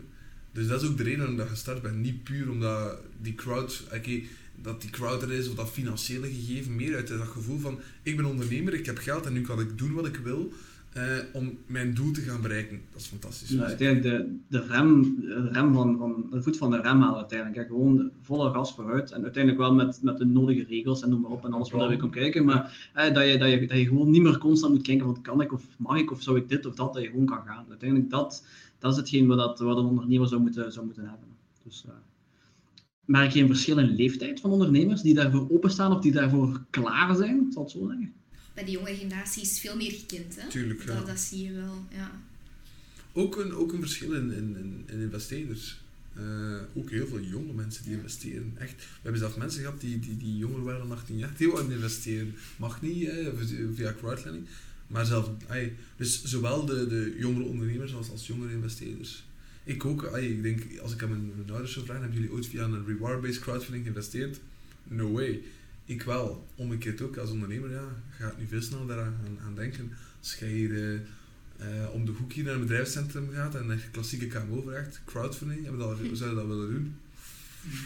Dus, dus nee, het is sowieso een, jonger publiek dat je dat aanschrijft. Ik denk ook wel dat er een rol ligt voor de boekhouders om dat mee te promoten bij de bedrijven. Dat daar uh, nog een schakel is Absoluut. die je extra moet gebruiken. En ik denk ook als ik kijk naar de buurlanden, hoe, hoe, dat we dat misschien ook nog meer tastbaar kunnen maken. In, in, uh, in Duitsland heb je een platform die doen lending en equity campagnes. Maar er is ook altijd een reward aangekoppeld. Dus je krijgt ook altijd het product of de dienst in een of andere vorm van het bedrijf in kwestie. En dus stel dat je uh, de 500 euro investeert in een, uh, in een pralinebedrijf, dan krijg je ook een doosje praline. Dan is het niet alleen dat financiële, maar dat maakt het ook meteen meer tastbaar. Ik, ik mis zoiets wel nog op de... Maar het, het probleem zit hem daar, ik mis dat ook, maar het probleem ja. zit hem daar in de wetgeving. Um, elk land heeft zijn eigen uh, zijn wetgeving. Pas op, er komt binnenkort een Europese crowdfunding-wetgeving, dus daar zijn we allemaal in blije verwachting. Maar momenteel um, laat de Belgische wetgeving niet toe eigenlijk om um, op voorhand te communiceren over een fysieke reward bij een uh, lending of een equity crowdfunding uh, actie. Omdat eigenlijk, en de filosofie daarachter is, als ondernemer ga je eigenlijk niet, niet de focus gaan leggen op het financiële risico, maar eerder op de reward dat ze gaan krijgen, waardoor dat je eigenlijk mensen een stuk gaat verblinden met de reward en eigenlijk niet genoeg meegeeft van dat het ooit wel kan mislopen. Um, dus een, een, een, een, statement als iemand als een ander, waar ik persoonlijk minder fan van ben, maar bon, het is nu zo. En um, wat wij vaak zien is dat er voor de campagne niet gecommuniceerd wordt over wat ze gaan krijgen achteraf als ze een lending of een equity doen, maar achter de campagne dan wel op een of andere manier de mensen betrokken worden. Wij noemen het dan geen investeerders, maar ambassadors. Waarbij dat de mensen die geïnvesteerd hebben, dan je, als je morgen een receptie geeft en je, nodigt je, je crowd niet uit die nu geïnvesteerd heeft, ja, dat zou zeer jammer zijn natuurlijk. Er zijn dat veel ondernemers die, um, die vaak ook nog feedback aan aan een crowd vragen achteraf. En zeker als je bijvoorbeeld een horecazaak hebt en je zegt van kijk ja, jullie zijn allemaal al een keer bij de horecazaak komen eten of, iets komen drinken. Wat was goed, wat was niet goed? Ja, er zal niemand zo eerlijk antwoorden als de crowd. Dat zijn echt ambassadeurs in plaats van gewoon pure investeerders. Um, maar dat is dan vaak wel na de campagne dat dat uh, in een concreet jasje wordt gestoken en niet ervoor. Ja, en waarom doen die dat natuurlijk? Omdat het succes van het bedrijf ook samenhangt met een persoonlijk succes. Dus je bindt eigenlijk mensen heel sterk aan je. Dus uh, ja, zij gaan er pas ook iets financieel uithalen als er een exit is of eh, als er nog een ronde komt. Ja. Dus uh, vandaar dat mensen ook die input willen geven en daar heel hard voor openstaan. Ja, zeker. Als je, als je equity geeft, uiteraard, dan, dan ja, zit je mee deel van het bedrijf, om het zo te zeggen. En dan kan ik inderdaad me perfect voorstellen dat je dan... Uh, dat je, dan ja, je hebt daar alleen maar baat bij, ik zal het, ik zal het zo zeggen. Absoluut. Um, ik veronderstel ook dat het dat je het vaak ziet dat je, dat je mensen ziet die, of bedrijven ziet die twee keer terugkomen voor, een crowdfunding, maar uiteindelijk een eerste succeservaring smaakt naar meer, uh, veronderstel ik. Hoeveel jaar gaat daar meestal tussen als je... Maar ja, natuurlijk, ik ben, ik ben zes jaar bezig met ja. uh, Winner, dus uh, het is nog niet dat de, de, grote massa, maar toch wel al een paar. Ja. zien we nu meer en meer. Ehm, dus ja, dat zijn mensen die vaak echt heel in het begin dat gedaan hebben. Want in het begin hebben we echt heel, echt heel jonge start-ups. Vandaag zijn we iets aan switchen naar, naar iets ervaren ondernemers of ondernemingen. Um, maar vaak ja, zo'n een, een, tweede ronde, als je wat meer kunt bewijzen, dat zijn vaak ook dezelfde investeerders die dan een keer bij investeren. Dus als je eigenlijk al honderden investeerders hebt die nu geïnvesteerd hebben in de eerste keer, en het gaat goed met het bedrijf en je wilt nog geld ophalen, ja, wat houdt u tegen om diezelfde community terug aan te spreken? En dat gaat dan veel vlotter, hè? Uh, veel vlotter omdat je zelf al dat concept van die crowdfunding in de vingers hebt, dat je weet wat werkt, wat niet, je hebt al dingen kunnen testen. En omdat die crowd al heel betrokken is, is het makkelijker om ze te overhalen om opnieuw te gaan investeren. In mijn geval zie ik heel vaak ondernemers een reward-based campagne doen en dan gaan ze voor uh, crowdlending ja. als volgende stap. Ja. Serial crowdfunding is echt een ding, dat wordt zo genoemd. Um, in het buitenland veel meer gebruikt dan hier. Maar ja, dat is dus al uh, ja. de, je ziet dat hier de rode draad. In het buitenland staan ze met crowdfunding veel verder. Maar die serial crowdfunding, ja, dat is ook echt iets waar, dat, waar wij met VOCA trouwens heel hard op willen inzetten. En dat heel hard willen promoten, stimuleren bij die ondernemers. En dat kan zijn meerdere crowdlending campagnes. Het kan even goed zijn beginnen met reward-based en dan diezelfde community of een stuk van die community ook gaan betrekken bij de financiële crowdfunding. Maar logisch, hè, want eigenlijk hebben zij ervoor gezorgd dat je als eerste een oplage van je product of dat je je, dienst op de markt kon, uh, kon gaan brengen. En nu geef je die mensen ook de kans om mee te profiteren van het financiële luikje. Hè. Ja. Uiteindelijk is dat een, een, een soort, ja, soort bedankje, om het zo te zeggen. En anderzijds gewoon een, ja, een volgende stap in, in, in je eigen verhaal, uiteraard. Dus, uh, nu, in jouw geval, Nathalie, is ook wel een beetje speciaal, want enerzijds je begeleid uh, crowdfunding, anderzijds je hebt ook crowdfunding gedaan. Um, hoe was dat voor jou om door dat proces te lopen? Want uiteindelijk theorie en praktijk zijn heel anders. Hè? Uiteraard, maar ik, ik zeg altijd practice what you preach. Dus ik vond dat ik zelf dat moest doen. Dus ik was uh, op dat moment twee jaar ondernemers aan het begeleiden met crowdfunding. En uh, ik hoorde mezelf zo in mijn slaap zeggen van het is echt een heel intensieve periode, maar je moet daardoor, dat is hoe dat je het moet aanpakken, communicatie, zus en zo. En ik was altijd maar advies aan het geven. En ay, dat werkte wel, hè, want uh, de crowdfundings die ik begeleide, um, ja, die slaagden allemaal. Dus was al, ik kreeg daar zelf ook een heel goed gevoel van, maar ik had het nog altijd niet zelf gedaan. En dat was toch nog iets dat miste. Aan de andere kant, ik was ook, ik ben ook startersadviseur. En ik had geen eigen bedrijf. Dus dat was zo van, kan hier twee vliegen in één klap. Ik ga gewoon zelf iets opstarten en ik ga dat doen met een campagne. Ehm, en zo heb ik eigenlijk ja, mijn modelabel Tiny Dreams opgestart. En dat is ja, een, kledinglijn voor, uh, voor kleine vrouwen, dus onder een meter 65. Nu, vanuit een probleem dat ik zelf uh, ervaarde, maar zeker ook heel veel van mijn kleine vriendinnen. En ja, ik ben eigenlijk een eerste collectie gaan financieren met geld van die, van die crowdfunding. En toen ik er dan zelf mee bezig was, ik kende natuurlijk de kneepjes van het vak, dus ik had heel snel een momentum bereikt dat ik naar de, naar de pers kon stappen. Dat was in, uh, in week twee, denk ik, na een achttal dagen had ik mijn doelbedrag al gehaald en, en was ik al met, de, met de pers uh, gesprekken aan het hebben. En dan merkte ik pas hoe intensief en vermoeiend dat, dat was. Je hebt enerzijds je eigen communicatielijn, anderzijds heb je ook de pers dat daarop springt. Uh, ja, over hoe vermoeiend dat, dat is als, ehm, als er heel veel pers u contacteert, dan moet ik Matthias zeker niks over zeggen. Maar ik kan u zeggen, dat vond ik echt nog wel het zwaarste onderdeel van de crowdfunding-campagne, omdat er is één krant die u contacteert en de radiozenders volgen en een tv volgt. En op zich is dat, dat is belachelijk van te zeggen van, en dat is zwaar. En, maar, maar, het is echt zo, dat kruipt niet in uw koude kleren. Um, dat vond ik echt een heel moeilijk onderdeel, mijn eigen communicatie doen. En dan heel een tijd interviews geven. Hoewel dat een luxe probleem is uiteraard, daar ben ik mij zeker van bewust. Maar dat, uh, dat maakte dat ik in week drie van mijn crowdfunding campagne uitgeblust was. Ik had echt zoiets van, ik, ik, ja, ik kwam mijn bed uit om te gaan werken en dan s'avonds, het was voor mij echt op. Ik had een heel communicatieplan um, ja, uitgestippeld. Maar ik zal ondertussen, ondertussen zat ik ook al aan mijn eerste stretch goal en ik heb op dat moment echt iets gehad van ik, ik kan dit even niet combineren met mijn voltijdse job. En ik heb daar veel minder gedaan wat ik op voorhand had uitgedokterd. En ik heb daar dus ook wel wat potentieel gemist. Maar aan de andere kant ben ik daar niet rouwig om. Uh, de meeste crowdfunding campagnes hebben op het einde nog eens een keer die FOMO-piek. En mensen zullen er nog grap bij zijn. Maar die piek heb ik absoluut niet gehad. Dus ik heb uh, in de eerste weken pieken, pieken, pieken, pieken. En die laatste week was voor mij echt zoiets van dit mag echt wel stoppen. Ehm, en nu, als ik ondernemers begeleid, bekijk ik dat ook op een totaal andere manier. Want ik, ik weet hoe intensief en vermoeiend dat, dat is. En als ik dat nu zeg, komt dat ook denk ik veel oprechter over dan, dan ervoor. En je hebt ook gezien welke administratieve zaken dat erbij komen kijken. Dat vergeten ook veel mensen. Hè. Je btw-aangifte van een crowdfunding-campagne. Heel veel mensen weten niet hoe dat je dat juist moet aanpakken. Dus dat soort zaken heb ik ook gewoon zelf gedaan. En ja, dan, dan weet je ook exact wat je moet zeggen tegen de persoon die voor u zit. En als hij dan nog vragen heeft na de crowdfunding-campagne, kan je meteen helpen. En dat heeft van mij natuurlijk wel een veel betere startersadviseur en crowdfunding-coach gemaakt door dat zelf door te maken. Ja. Had je het verwacht dat het zo anders ging zijn? Of, of had je gedacht van kijk, twee vingers in de neus en even, even snel doen? Um, voor mij was dat wel echt mijn reputatie on the line. Dus ik was mega gestresseerd.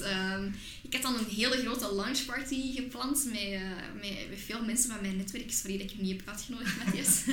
Ja, kan dat niet, ja. ja. Zo'n zo rokje van Tiny Dreams ja, nee. dat er veel gestaan. Maar, um, nee, maar dus dat was een... Uh, ja, ik had ook zoiets van, ik weet ook niet hoeveel volk dat er gaat ga opdagen, maar uiteindelijk hebben wij met 150 man de crowdfunding campagne um, in gang gestoken. En dat maakt natuurlijk ja, dat je heel snel die bedragen bij elkaar hebt. Ik heb mijn netwerk heel snel gemobiliseerd. En vanaf dat ik merkte van oké, dat gaat hier wel goed, sloeg dat wel om en was ik natuurlijk minder, uh, minder zenuwachtig. En ja, dan had ik wel zoiets van oké, we zien nu wel gewoon waar, dat we, waar dat we komen. En uh, ja, voor mij was dat ook wel een beetje van, oké, okay, ik heb bewezen dat ik het voor mezelf dan ook wel kan. Want het is echt een groot verschil van mensen te adviseren of van het zelf te doen. Met alles in het leven zo. Hè. Uh, je kunt geen hele goede adviseur zijn, maar dat wil niet zeggen dat je een goede ondernemer bent. Ik zeg niet dat ik een goede ondernemer ben. Want ik heb, uh, ik heb vaak heel veel uh, nieuwe, nieuwe ideeën waar ik over nadenk. En, en als ondernemer, als je echt iets wilt uitbouwen, moet je natuurlijk wel een zekere focus hebben. Maar daardoor vind ik wel dat ik bewezen heb dat de track record dat ik heb als adviseur, dat ik dat ook heb kunnen omzetten in een, in een mooi ondernemersverhaal. En dat geeft veel voldoening. Ja, niet begaan, ja. Dat is, uh, ja, ik hoop hetzelfde net zei, validatie van, uh, van je eigen werk uiteindelijk. Dus, uh, ja. Heeft dat jou ook anders doen werken als, als adviseur? Of, of is het nu gewoon dat je meer uit praktijk gezegd van praktijkrecht kan, kan, kan adviseren? Of heb je echt nu het anders aangepakt? Ik, ik heb wel een aantal dingen toen veranderd. Hè, want ik zeg ik geef workshops rond, rond reward-based crowdfunding voornamelijk. En ik heb toen eens gehad van, oké, mensen hebben eigenlijk te weinig houvast gedurende het proces. Je geeft wel workshops, uh, je geeft coachings, maar vanaf het moment dat die mensen buiten lopen, zijn die terug op zichzelf aangewezen. En dat is ja, vaak heel moeilijk voor die mensen. Ik weet dat jullie dat bijvoorbeeld ook, dat jullie werken met timelines, om jullie ondernemers ook te... Ja, omdat je moet, je moet inderdaad zorgen dat...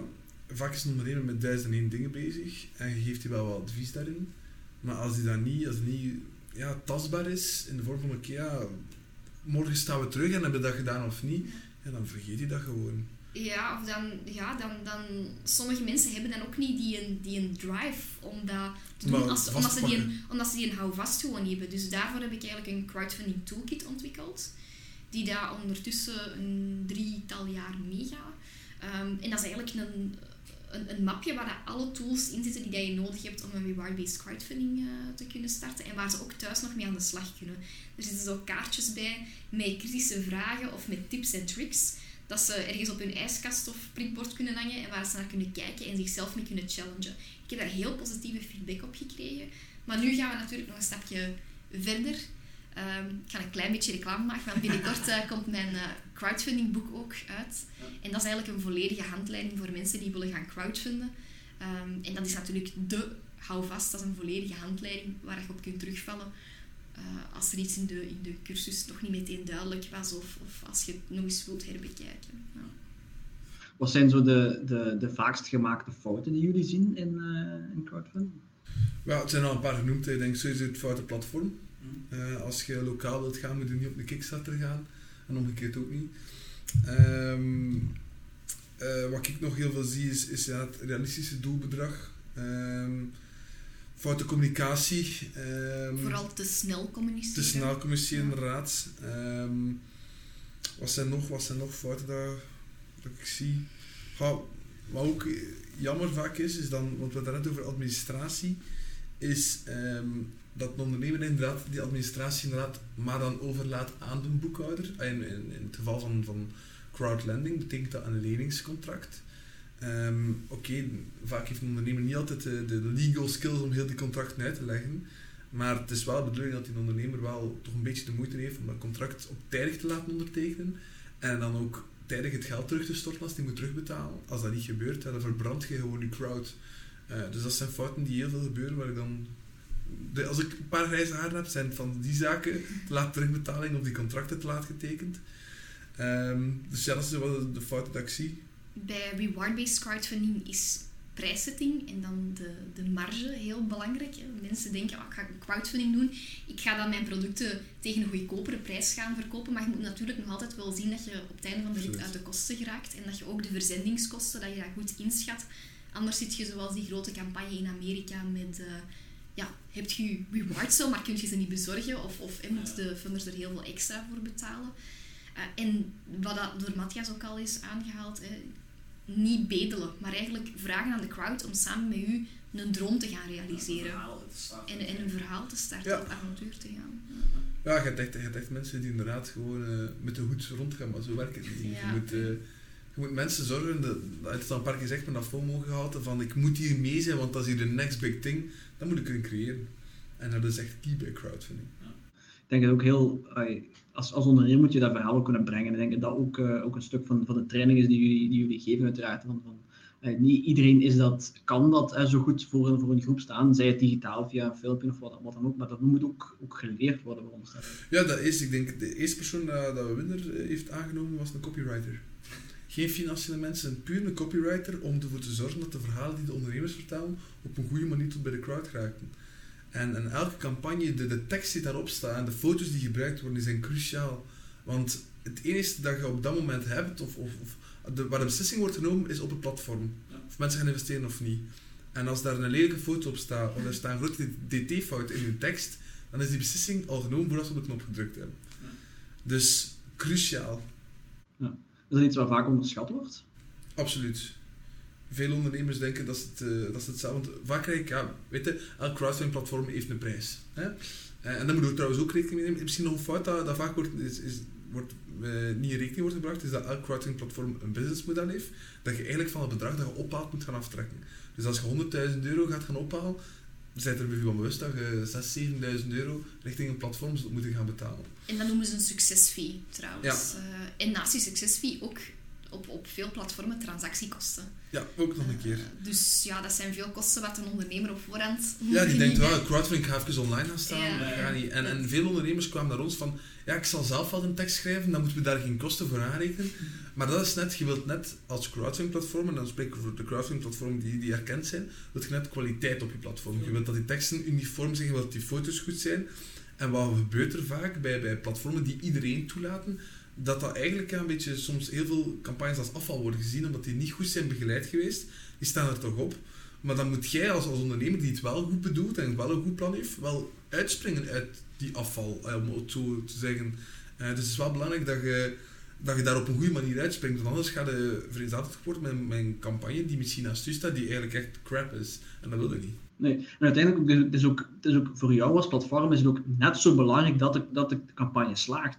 Dus uiteindelijk, allee, dat is misschien een kleine extra kost die je mee aanrekent, maar dat is, allee, dat is met, met als doel om, om samen er beter van te worden uiteindelijk. Ja, dus, uh... absoluut. Wij doen natuurlijk een heel strenge screening van welke ondernemers er mogen opkomen en welke niet, omdat ja, wij worden, wij worden niet alleen afgerekend op het geld dat we ophalen, maar ook hoe lang dat de bedrijven nog bestaan achter de campagne.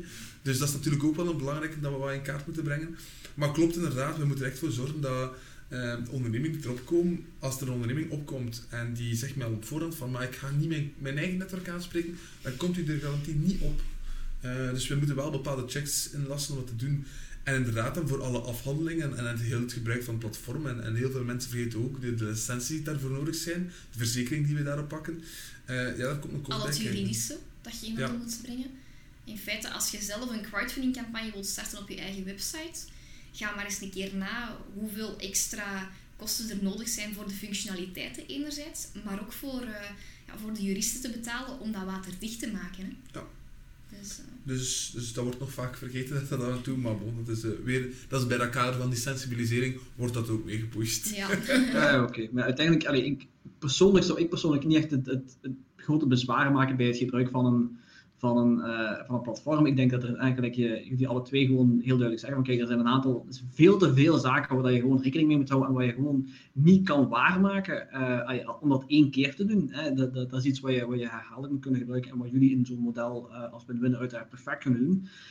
ik denk dat het gewoon, ja, voor mij zou het eerder zoiets zijn van, kijk, ik moet, ik moet mensen kunnen mobiliseren, ik moet mensen gewoon overtuigd kunnen, kunnen krijgen. Maar dan dat is het kwestie van het, het juiste product te hebben dat je, dat je voor zoiets kan, uh, kan gebruiken uiteraard. Ja, en natuurlijk ook inderdaad, vaak komen bedrijven ook bij ons die zeggen, we hebben ons netwerk al en we gaan het sowieso halen.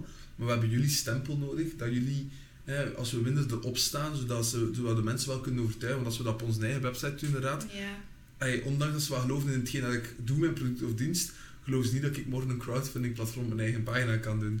Dus op, op zich is, is die stempel van het platform wel een belangrijke ook. Ja, ze missen die credibiliteit anders. Hè. Dan, uh, eigenlijk is dat een beetje een, een, ze zien ook als een derde partij die dat geld beheert, zodat een ondernemer er geen reisjes mee kan maken naar ja. Ibiza nu in, uh, in realiteit. We hebben ook de mogelijkheid, ja, het geld wordt altijd gestort ook op een derde rekening. Dat is geen rekening van de ondernemer, ook niet van ons, maar wij hebben wel de, de mogelijkheid om dat geld door te storten aan de ondernemer of terug te storten als de campagne niet geslaagd is. Wat maakt dat dat wel een soort van controle is. Dus als de campagne niet slaagt, dan gaat dat geld terug naar de mensen die geïnvesteerd hebben. Ehm, maar doordat wij die derde rekening op die manier kunnen gaan begeren, um, is dat wel handig voor de investeerders als ze weten van oké, als het niet lukt, dan heb ik wel mijn geld terug. Ja, dat is een beetje verzekering langs twee kanten uiteindelijk. Voilà. Um, merk je dat vaak dat, dat, dat mensen ja, dat, dat het, het, op, omkadering, zal dat even zo zeggen. Dat straks hebben we de, de, de, boekhouder al even vermeld een paar keer. Om te zeggen, van, kijk, de boekhouder zou ook meer op de hoogte moeten zijn. Uh, merk, je, merk je vaak dat je die mensen ook nog meer moet opleiden in, de, in dat traject? Jammer genoeg wel. hey, want de boekhouders, pas op, er zijn al heel veel boekhouders die weten natuurlijk wat crowdfunding is. Um, maar er zijn heel, nog heel wat mensen die daarin moeten opgeleid worden. Ook langs de andere kant de banken. Uh, wij geven heel veel sessies voor banken over hoe dat crowdfunding in kader met bankfinanciering kan gaan, gaan gematcht worden. Uh, dus ja, nee, dat gaat... Ik denk dat er nog heel veel partijen zijn die, die mee moeten op de boot van crowdfunding worden gezet. Uh, omdat inderdaad, als een ondernemer wilde gaan begeleiden, daarin op een of andere manier, of, of daar een rol in hebben, ja, moeten ze wel zeer goed weten wat die dan gaat doen. Um, maar ik denk als we niet mee op de kar springen naar de toekomst toe, dat dat ook de partijen zijn die er als eerste uitgaan. Ja. Omdat je, je kan bijna niet anders dan een, dan een mix te gaan maken met alternatieve financiering. En zoals we al hebben gezegd, dat monopolie van de bank gaat weg. Hè. Dat verschuift. Dat verschuift eigenlijk ja, naar mensen die dat, die financieringsmix meehelpen, uh, meehelpen samenstellen. Maar het is niet zo dat, de, uh, dat als je van de bank geen lening krijgt, dat je nergens anders uh, geld kunt gaan ophalen. Dus ja, en, en, en soms bij traditionele uh, kantoorhouders bij banken en zo, zijpelt dat volgens mij nog niet zo echt binnen. En dan heb je weer aan de andere kant van het spectrum banken die dat een eigen crowdfunding platform hebben of die dat partnerships vormen met andere crowdfunding platformen. En dat is waar we meer en meer naar gaan toe, toe gaan in de, in de toekomst. En dan kunnen we ook van 1 plus 1 3 maken. Hè. Dan, hoe meer dat er samenwerking kan zijn in dat financiële speelveld, hoe beter ook voor de ondernemer. Ja. Is het zinvol om, om meerdere crowdfunding campagnes tegelijkertijd te doen op verschillende platformen. Bijvoorbeeld eentje op Winner en eentje op... Uh... Not nee, done. Nee, not done. Niet doen. Nee. nee, nee, nee, echt not done. Dat is echt... Ja, je steekt al zoveel tijd in je campagne op die ene om, om, om je crowd daar naartoe te trekken. Wat je gaat doen is je crowd gewoon open trekken naar twee aparte campagnes. Als het, als, als het u dan zou lukken, echt waar, dat, dat is... Ik heb dat eerlijk gezegd nog niet gezien. Uh, en, je spreidt je momentum en, ja. je verliest gewoon zoveel van die social proof in die ene campagne en door in te zetten op die beide. Je moet voor alle twee dan hey, communicatie gaan doen. Nee. nee, nee, nee, nee. Dat is not the way to go. Nee, absoluut, nee, absoluut niet. niet. Dat is... Uh, en ja, dat, dat komt ook wel vaak bij ons, denk ik. Hè? Die vraag van, ah, ja. ik ga... Uh, ik zal er twee doen? Of ja, ja. ja.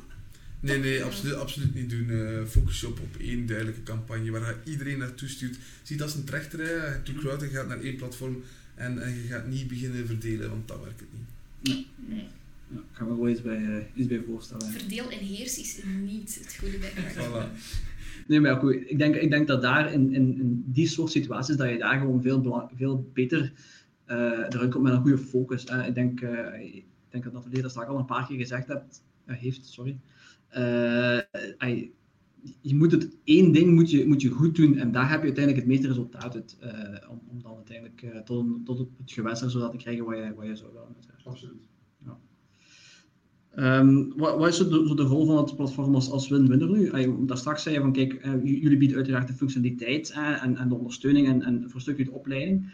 Um, maar als ik het daar straks goed gehoord heb, jullie zei ook, zei ook van dat je, dat je de, de um, de beleggers ook nog voor een heel groot stuk moet, moet opleiden. Hoeveel, hoe, hoe pakken jullie dat aan? Is dat webinars voor een stuk, maar dat, die, die, die groep is toch veel te breed om dat, om dat gericht te, kunnen doen? Ja, nee, klopt. Um, ik denk dat we inderdaad, we, hebben, we hebben twee klanten. De ondernemer is een klant bij ons en de investeerder is een klant. Ehm, nu, wat wij vooral doen is, is gaan kijken waar zit die belegger op vandaag, waar kunnen we die gaan bereiken uh, door goede content te gaan verspreiden, dat er andere zaken zijn dan het spaarboekje, door met, met partijen samen te werken die beleggers in portefeuille hebben, die ook op zoek zijn naar alternatieven. Um, dus op die manier proberen we die wel te gaan bereiken. Op het moment dat je die bereikt en die op het platform wel rondkomen, ja, dan is het een hele lead gen marketing machine die aangaat. Um, en die werkt wel. En tot op wat, wij op vandaag uh, intern hebben, zijn mensen, dat zijn investeerders, begeerders eigenlijk, die zien als er iemand op het platform komt en die is bezig en die loopt vast, die bellen we direct op. Of die sturen direct een chat of een mail. Waardoor dat we weten van oké, waar loopt het vast? Um, omdat we willen die belegger al veel beter leren kennen. En op het moment dat je die te pakken kunt krijgen en die opbelt, is bijna 90% zeker dat die toch erdoor gaat. Um, maar het is kwestie van ja, daar ook gewoon mensen fulltime op te zetten. Um, en eigenlijk heel veel ondernemers vergeten dat crowdlending platformen of crowdfunding platformen eigenlijk investeerdersplatformen zijn en daarom niet ondernemersplatformen. Uh, onze focus is, wij lagen in het begin veel meer op die ondernemers, maar we hebben ook moeten verleggen naar die investeerders zijn altijd de belangrijkste, want als zij er niet zijn, dan mogen jij nog zulke mooie campagnes hebben, dan gaat het niet slagen. Um, dus ja, daar kruipt heel veel tijd en moeite in. Um, maar dat rendeert wel. Ik denk dat we nu ongeveer rond de 5000 al ja, recurring investors zitten. Dat tikt altijd maar aan. Um, dus het is kwestie van die community ook, ook wel een community of een crowd is. Ja, om, zo sterk mogelijk te houden en te zorgen dat die, ja, dat die genoeg ook leuke nieuwe projecten binnenkrijgen. en dat als je als, als platform maar, maar één project of zo, of één of twee per jaar lanceert, ja, dan gaan die niet, dan gaan die niet, gaan die niet top of mind zijn. Wij lanceren ongeveer zeven per maand. Ja, die krijgen zeven verschillende bedrijven. Ja, dat vinden die investeerders natuurlijk leuk. Ze hoeven niet in alles mee te gaan, maar ze zien wel van, oh, misschien komt er een in, in mijn interesseveld of in mijn regio. En dan gaan ze veel sneller investeren. Dus dat is een strategie die we daarin toepassen. Werkt dat echt dat organisch? Uh, want uiteindelijk, als, als je iets ziet passeren dat totaal buiten jouw expertise, of, of, of als ik iets bijvoorbeeld zie wat in Temse passeert, allee, ik zou niet weten wat het zou kunnen zijn, maar allee, daar heb je minder voeling mee of, of wat dan ook. Dus werkt dat? Dat werkt. Uh, als, dat, ja, als de investeerder natuurlijk al weet wat crowdlending is of, of crowdfunding, en die kan heel snel beslissing maken van oké, okay, dit is niet binnen mijn scope, maar ik wacht wel op de volgende. Um, om het natuurlijk te onboarden, op, moeten we wel op een of andere manier een ankerpunt hebben. En meestal werkt de regio inderdaad daar zeer sterk, uh, of, of pure, pure sector. Uh, dat, dat, dan krijg je toch het meeste feedback. Vanuit een positie als startersadviseur zou ik daar zeggen dat er nog veel platformen moeten inzetten op referral systemen tussen beleggers. Dat een, ik denk dat, daar, dat, dat je daar nog een veel grotere groei mee, mee kunt gaan bereiken. Ik weet niet, want dat was eigenlijk ook een beetje mijn vraag voor jullie. Matthias, of dat jullie dat onder beleggers doen, zo'n referrals? Nee, dat is ook dat is een, een, eigenlijk een grijze zone in de wetgeving. Uh, waar dat je ja, eigenlijk je beleggers op een of andere manier zou kunnen belonen en dan financieel. Um, ja, ja, ja. Ja, maar dat is een grijze zone in de wetgeving. En ik ga eerlijk zeggen, ik durf er nog niet op, op die kar springen. Maar absoluut, ik denk, eh, als ik morgen iemand anders zou aanbrengen als belegger en ik word daarvoor beloond op een of andere manier, ja, natuurlijk gaat dat systeem dan sneller rollen. Uh, maar ook daar weer, ja, je zit, zeker vanuit crowdlending standpunt, zit je weer met iemand anders zijn geld bezig. En zeg ik dat iemand zegt van, hey, moet ik in bitcoins doen, het is daar, uh, dat, is, dat is super veilig en je hebt daar heel veel geld mee. En uw beste vriend die je net hebt uh, onboard daarin, die verliest al zijn geld ja, dat is een situatie die je vooral wilt vermijden eigenlijk. Uh, pas op, ik doe het nu heel zwart-wit, maar dat is natuurlijk ook wel een beetje waar dat die, die, die wetgeving wel nog, uh, ook nog wel iets uitgesproken moet zijn dan tot vandaag is. Ja.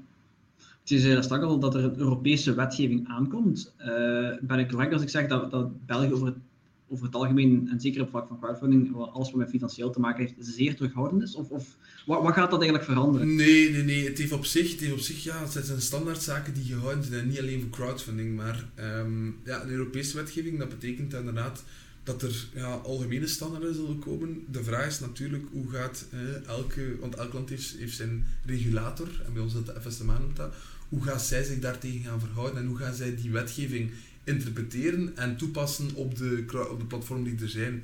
Dus om een heel diplomatisch antwoord te geven, en dat is ook gewoon in dit geval, want je kunt dat niet, dat zit nog allemaal in zijn kinderschoenen, dat zal nog allemaal zich uitwijzen. Ehm, die wetgeving, die Europese wetgeving, die ziet er zeer goed uit. Hè. Er zal veel meer mogen. Maar bon, eerst zien en dan geloven. ja, dat, is, uh, dat is ook iets wat in, uh, in de vorige opname terug is gekomen, dat het uh, zeer hard afwachten is altijd als het op vlak van wetgeving. Ja, ja dat is ook. En dat, langs de ene kant, we zitten in, een sector ja, waar dat, dat eenmaal zo is. En, en vroeger was daar iets rebelser in en iets gefrustreerder in. Vandaar heb ik mij daarbij neergelegd. En ik denk gewoon door, zoals de platformen die erkend zijn, te doen op een juiste manier te gaan communiceren over de acties dat je doet met je, met je platform, ja, dan kun je alleen maar ja, goed staan bij die wetgeving en kunnen daar zeker geen, uh, geen potentiële problemen uit uitkomen. Maar dan moet je ook wachten tot dat er kan gesproken worden over die wetgeving. Dus die is er nog niet, dus we shall see. Maar over de FSMA gesproken, dat is wel heel handig. Op hun website kun je gewoon terugvinden welke platformen officieel crowdfunding platformen zijn. Want dat is ook wel, er zitten een aantal sloebers tussen de crowdfunding platformen. en dan in, in, in, uh, in België nu, nu ja, niet zozeer, maar zeker in het internationale crowdfunding landschap zitten er, uh, zitten er hele platformen tussen dat eigenlijk ja, piraten zijn, hè, die met je geld gaan lopen of die in een soort van uh, ponzi-scheme steken en die zich voordoen als crowdfunding. En denk ook, onze overheid heeft heel beschermend gereageerd. Je ziet dat ook, het, verschil met Nederland, dat hebben we al een paar keer aangehaald. Bij ons was uh, crowdfunding in het begin, toen dat, dat hier begon op te komen, heel sterk gereguleerd. En ze hebben dat meer en meer losgelaten over de jaren. Nog altijd, het moet meer losgelaten worden, maar oké. Ehm, in Nederland was dat helemaal anders. Daar was het in het begin eigenlijk heel los en zijn ze pas achteraf gaan beginnen reguleren. Mm Verschil in aanpak. Ja. Ja. Ik denk afhankelijk van, van hoe dat, het, uh, dat, de, dat de bevolking ermee omgaat, denk ik dat je daarover kan discussiëren, maar dat ga je nooit op, op voorhand kunnen, kunnen weten, denk ik. Ja. Um, vanaf welk moment, want met Winner werken jullie internationaal eigenlijk? Nee, nee, absoluut niet. We zijn eigenlijk helemaal Vlaams. We hebben ons platform nu vertaald. Dus we gaan in de Waalse regionen ook een keer gaan proberen. Maar we zijn eigenlijk een Vlaams platform. Vanaf welk moment hebben jullie zoiets van, oké, dit, dit is niet meer, of Vlaanderen is hier te klein voor, dit, dit moet internationaal getrokken worden naar een, uh, een Kickstarter of een, een Indiegogo of wat dan ook? Uh, ja, dat hangt heel erg af van het concept hè, dat, ja. dat iemand wil doen. Um, als je echt een, uh, een techbedrijf hebt dat een, dat een bepaald product heeft, dat, dat, dat schreeuwt voor een Kickstarter-campagne, ja, dan gaat je die meteen hè, internationaal laten lanceren. Uh, want dan wordt dat een, een born global. Of dan is de enige kans op slagen als dat echt iets is dat je meteen kunt, uh, internationaal kunt gaan verkopen. Maar ja, sommige zijn ook heel lokaal ingebed. Dan weet je al direct van oké, dit is eerder voor een, voor een lokale campagne. maar er is niet echt zoiets, allez, zwart of wit. Nee. Soms kan een ondernemer zelf zich ook beter voelen bij te starten met een lokale en dan pas internationaal door te groeien. Um, maar natuurlijk, als wij zo'n project spotten dat veel baat heeft met ineens internationaal te gaan, dan gaan we die natuurlijk wel aanraden om uh, op een Kickstarter of een Indiegogo te lanceren. Maar ja, voeding, dingen, allee, dat zijn ook allemaal zaken die je niet zo makkelijk eh, begint te shippen over heel de wereld. Dus het type product hangt daar ook uh, na mee samen. Verandert dat de, de, de gang van zaken voor, voor een stuk als je naar een ander groter platform gaat dan vooral? Of is dat, is dat eerder ja, het is een stuk onpersoonlijker. Hè. Um, ik denk als je, dat is altijd zo, als je lokaal gaat, dan gaat je vaak ja, dichter bij de mensen staan die het platform ook begeren. Ja, als je ja, een Kickstarter doet, zijn de in principe een nummer. Hè, die... Ja, maar het grote verschil is dat je dan al een marketingbudget moet hebben op voorhand. Ook. Je, om daar echt uit te springen, moet je al investeren in, in een echt heel professioneel filmpje um, in een bepaald marketingbudget, want anders haalt je dat daar niet. Dat is daar veel moeilijker om, eruit te springen als er honderden campagnes per dag lanceren. Op een lokaal platform ja, maakt dat niet uit als je filmpje DIY opgenomen is met je, met uw smartphone. Daar kijken mensen veel minder naar. Maar op zo'n heel groot platform moet dat echt on point zijn. Uh, dat, dat is ook... Hè, je moet mensen heel snel in een paar hè, seconden kunnen overtuigen van yes, hier ga ik mijn, uh, mijn geld aangeven. Je moet ze meteen kunnen vasthouden. Uh, dat gaat daar vooral over aandachtspannen. Bij crowdlending bijvoorbeeld hè, zei Matthias hoe belangrijk ook dat het is dat die campagne er spik en span uitziet. Daar gaat dat niet zozeer over hè, die, die aandachtspannen of de massa aan campagnes, maar gaat het eerder over het vertrouwen dat heel belangrijk is. Hè. Uh, van, van de mensen. Het is hun spaargeld. We hebben het er al over gehad, hè, hoe gevoelig dat, dat ligt. Dus mensen moeten dat zien en zoiets hebben van ja, mijn geld gaat goed terechtkomen. En dat is bij die, bij die Kickstarter, ja, moeten, moeten zo flitsend zijn dat, uh, dat mensen direct zoiets hebben van, dit is het, want anders zijn Ja, als je, als je te vaak zit in, in, in je filmpjes of, of als je prototype al niet goed fotografeert, want dat is ook al zo'n... ja. Ja, dan, dan hebben mensen iets van, wat ga ik nu eigenlijk krijgen als ik daar geld in steek? En dat willen vooral niet dat ze dan nadenken. Je wilt vooral dat ze, dat ze exact zien wat ze, als ze dat vinden, dat ze exact zien wat ze gaan krijgen. Maar om dat visueel in kaart te brengen, ja, dat kost wel wat geld. Ja, dat is, eh, dat is niet evident. Hè. En, eh, en sowieso, het is, zeker als je naar de Amerikaanse platformen gaat, alles wat Amerikaans is, is veel groter. Hè. Hoe dat je het ook draait of keert, die, die, die mensen die, die, die, die denken veel groter, dus dan ga je het alleszins... Maar die bekijken crowdfunding ook anders. Wij bekijken crowdfunding als, wij steunen eigenlijk ook een, een starter. Zij bezien het platform Kickstarter als, ik kan hier de nieuwste gadgets kopen. Ja. Niet van, ik, ik help hier een starter of een project mee. Zij zien dat echt als, als een Die early grote adopters, echt, daar, die, zitten, die zitten klaar op, op, Ja. op de Kickstarters Ja. vandaag van, oh ja, dit moet ik hebben, dit is ook, en dat zijn ja, gadgets freak vaak, hè. Ja, inderdaad, ja. Ja, dat is een, een heel andere insteek die, die jij bent met win-winnen. Ja, ja, bij ons is dat, we steunen die, die ondernemer en die is inderdaad van West Temps of wat dan ook, ja, die, ze steunt die, daar is dat iets, iets heel anders natuurlijk. Ehm, dus Ja, gewoon veel dichter bij de mensen uiteindelijk. En veel, eh, ik zal niet zeggen laagdrempeliger, want dat, dat, dat, dat, klinkt een beetje denigrerend, maar het is, het is dichter bij huis en, en het voelt familialer het, eh, Ja, en zelf ook als je dan bijvoorbeeld crowdlending internationaal gaat bekijken, ja, vaak zijn daar ehm, campagnes die, die, die daar lopen, zijn heel snel gefinancierd. Sommige campagnes worden op twee, drie minuten gefinancierd, omdat er mensen klaar zitten om mee te investeren. Ehm, langs de andere kant, ja, als je dan zegt van iemand die rond u zit in je netwerk en die wil ook mee investeren, ja, dus no way dat die binnenkrijgt op dat platform. Dat is hoe dat vroeger de mama's de kazoo-kampen moesten gaan boeken. Ja, dat is hetzelfde effect. Eh, vroeger, dat, Ja, die, oh, die, sorry. die, die, die kampen is nogal... Zelfs eh, de crash en... eh, Hey. Als je kind naar een, naar een eh, kleuterklas wilt laten gaan, je moet eh, al meer dan een jaar op voorhand moet je die gaan aanmelden op Ja. de school. Zo is dat. zelfs zelfs eh, bij, bij een opvangouder moet je al... eh, ja. Een grote ramp is Of laat het een Tomorrowland ticket houden. Oh, maar dat kun je hacken tegenwoordig, dat is allemaal geen probleem. Ik ken mensen die dat... Is, eh, Dus ja, nee, maar dan, die mensen kunnen dan niet meedoen met zo'n platformen. En dat is dan ook wel jammer, hè, want je wilt net die mensen ook eh, dan in je groeiverhaal laten mee investeren. Eh, wat zijn zo de, de grootste successen die jullie hier in België al, al gezien hebben?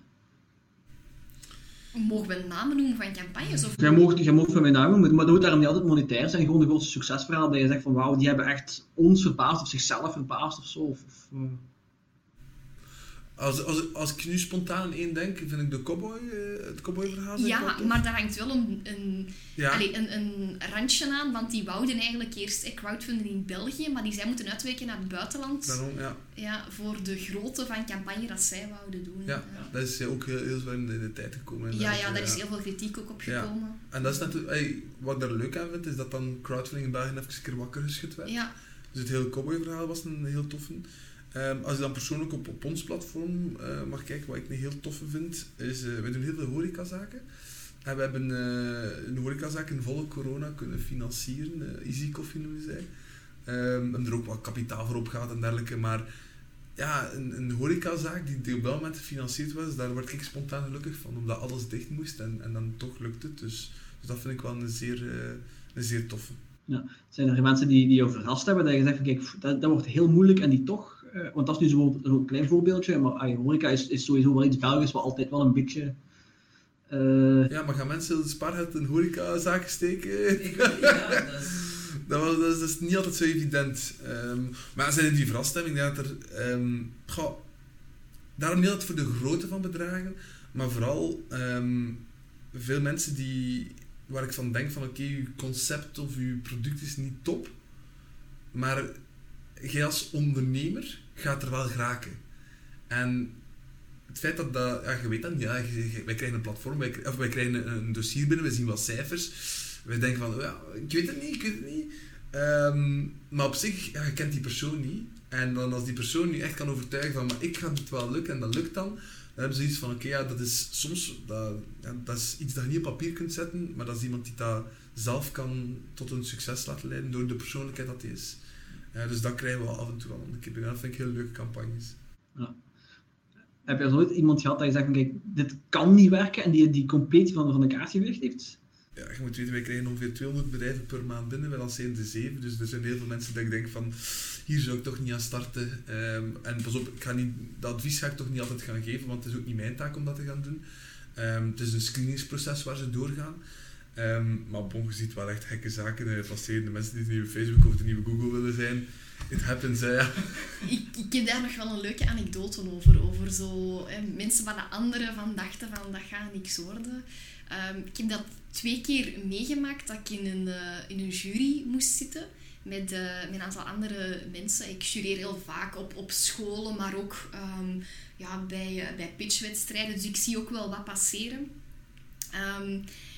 Maar dat was twee keer met ongeveer dezelfde jury, allee, dezelfde mensen dat er toen in zaten, zonder namen te willen noemen.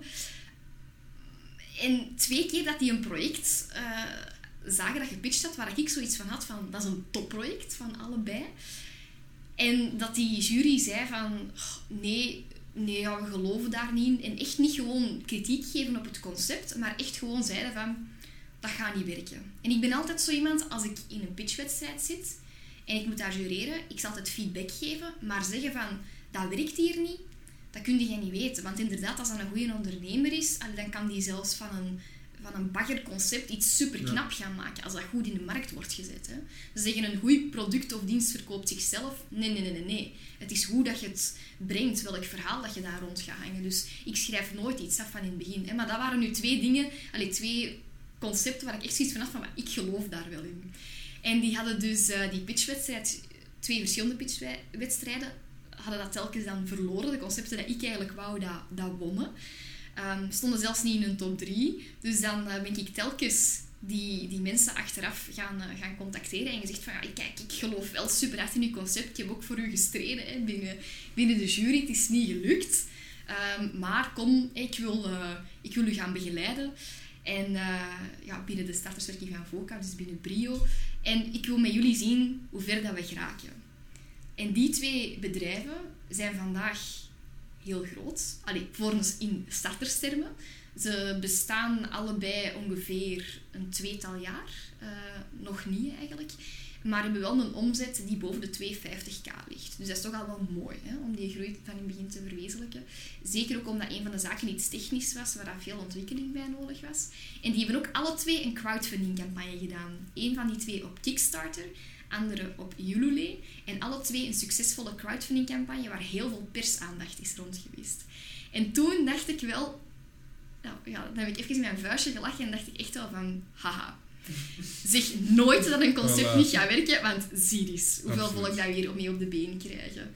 En uh, dat is ook altijd de spiegel dat ik voor mezelf voorhoud. Als ik op iemand kritiek geef, van niet te, niet te zeggen van dit gaat niet werken, want je weet dat, je weet dat niet. Allee, zelfs um, ja, mensen die, die dossiers screenen om in te gaan investeren, en die dat duizend dossiers per dag krijgen, op wat is dat gebaseerd? En die beslissing in die end, ja, ook een stukje op hun intuïtie, wie gaat het halen, wie gaat het niet halen.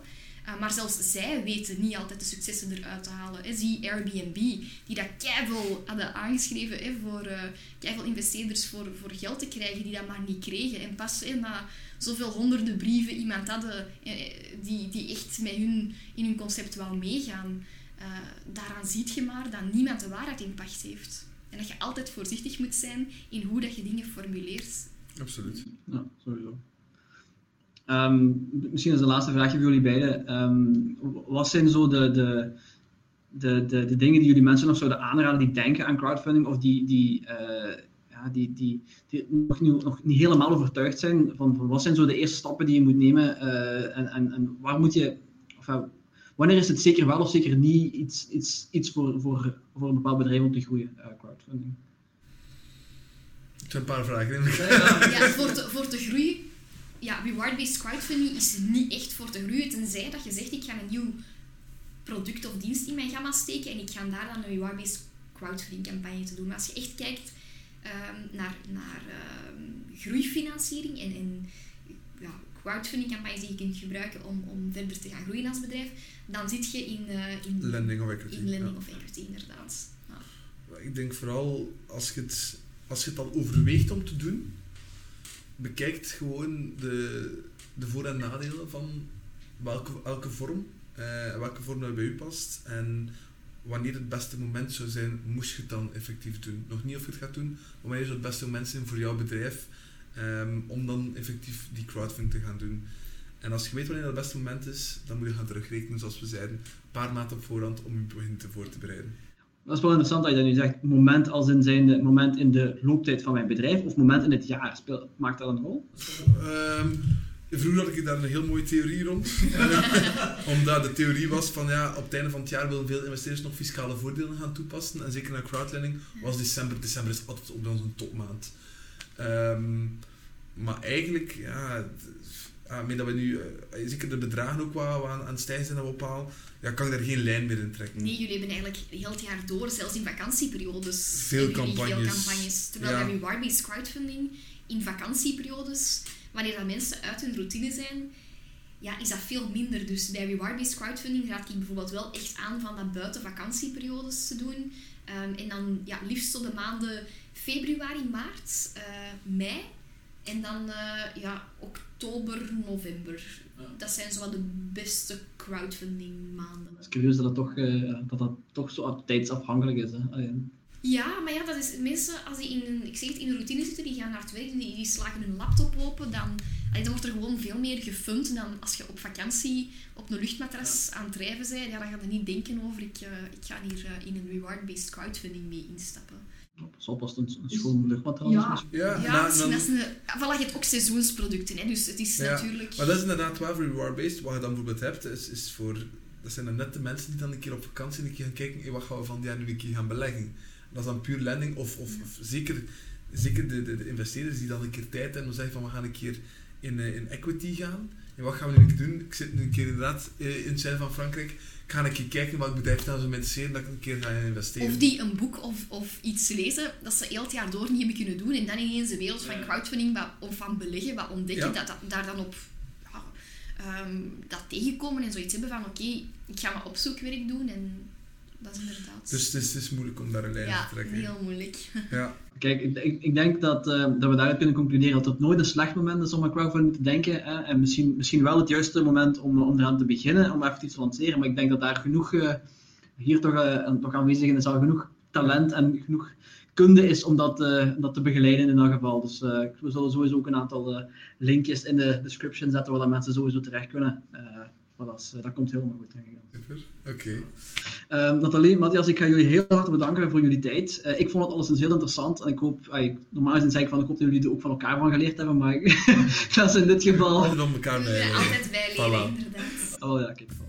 Goed, heel veel bedankt. En uh, ja, misschien, uh, misschien zien we elkaar op een ander moment nog wel eens terug. Al dan niet voor een, uh, voor een, voor een crowdfunding campagne. Oké, okay, super. Graag gedaan. Heel veel bedankt.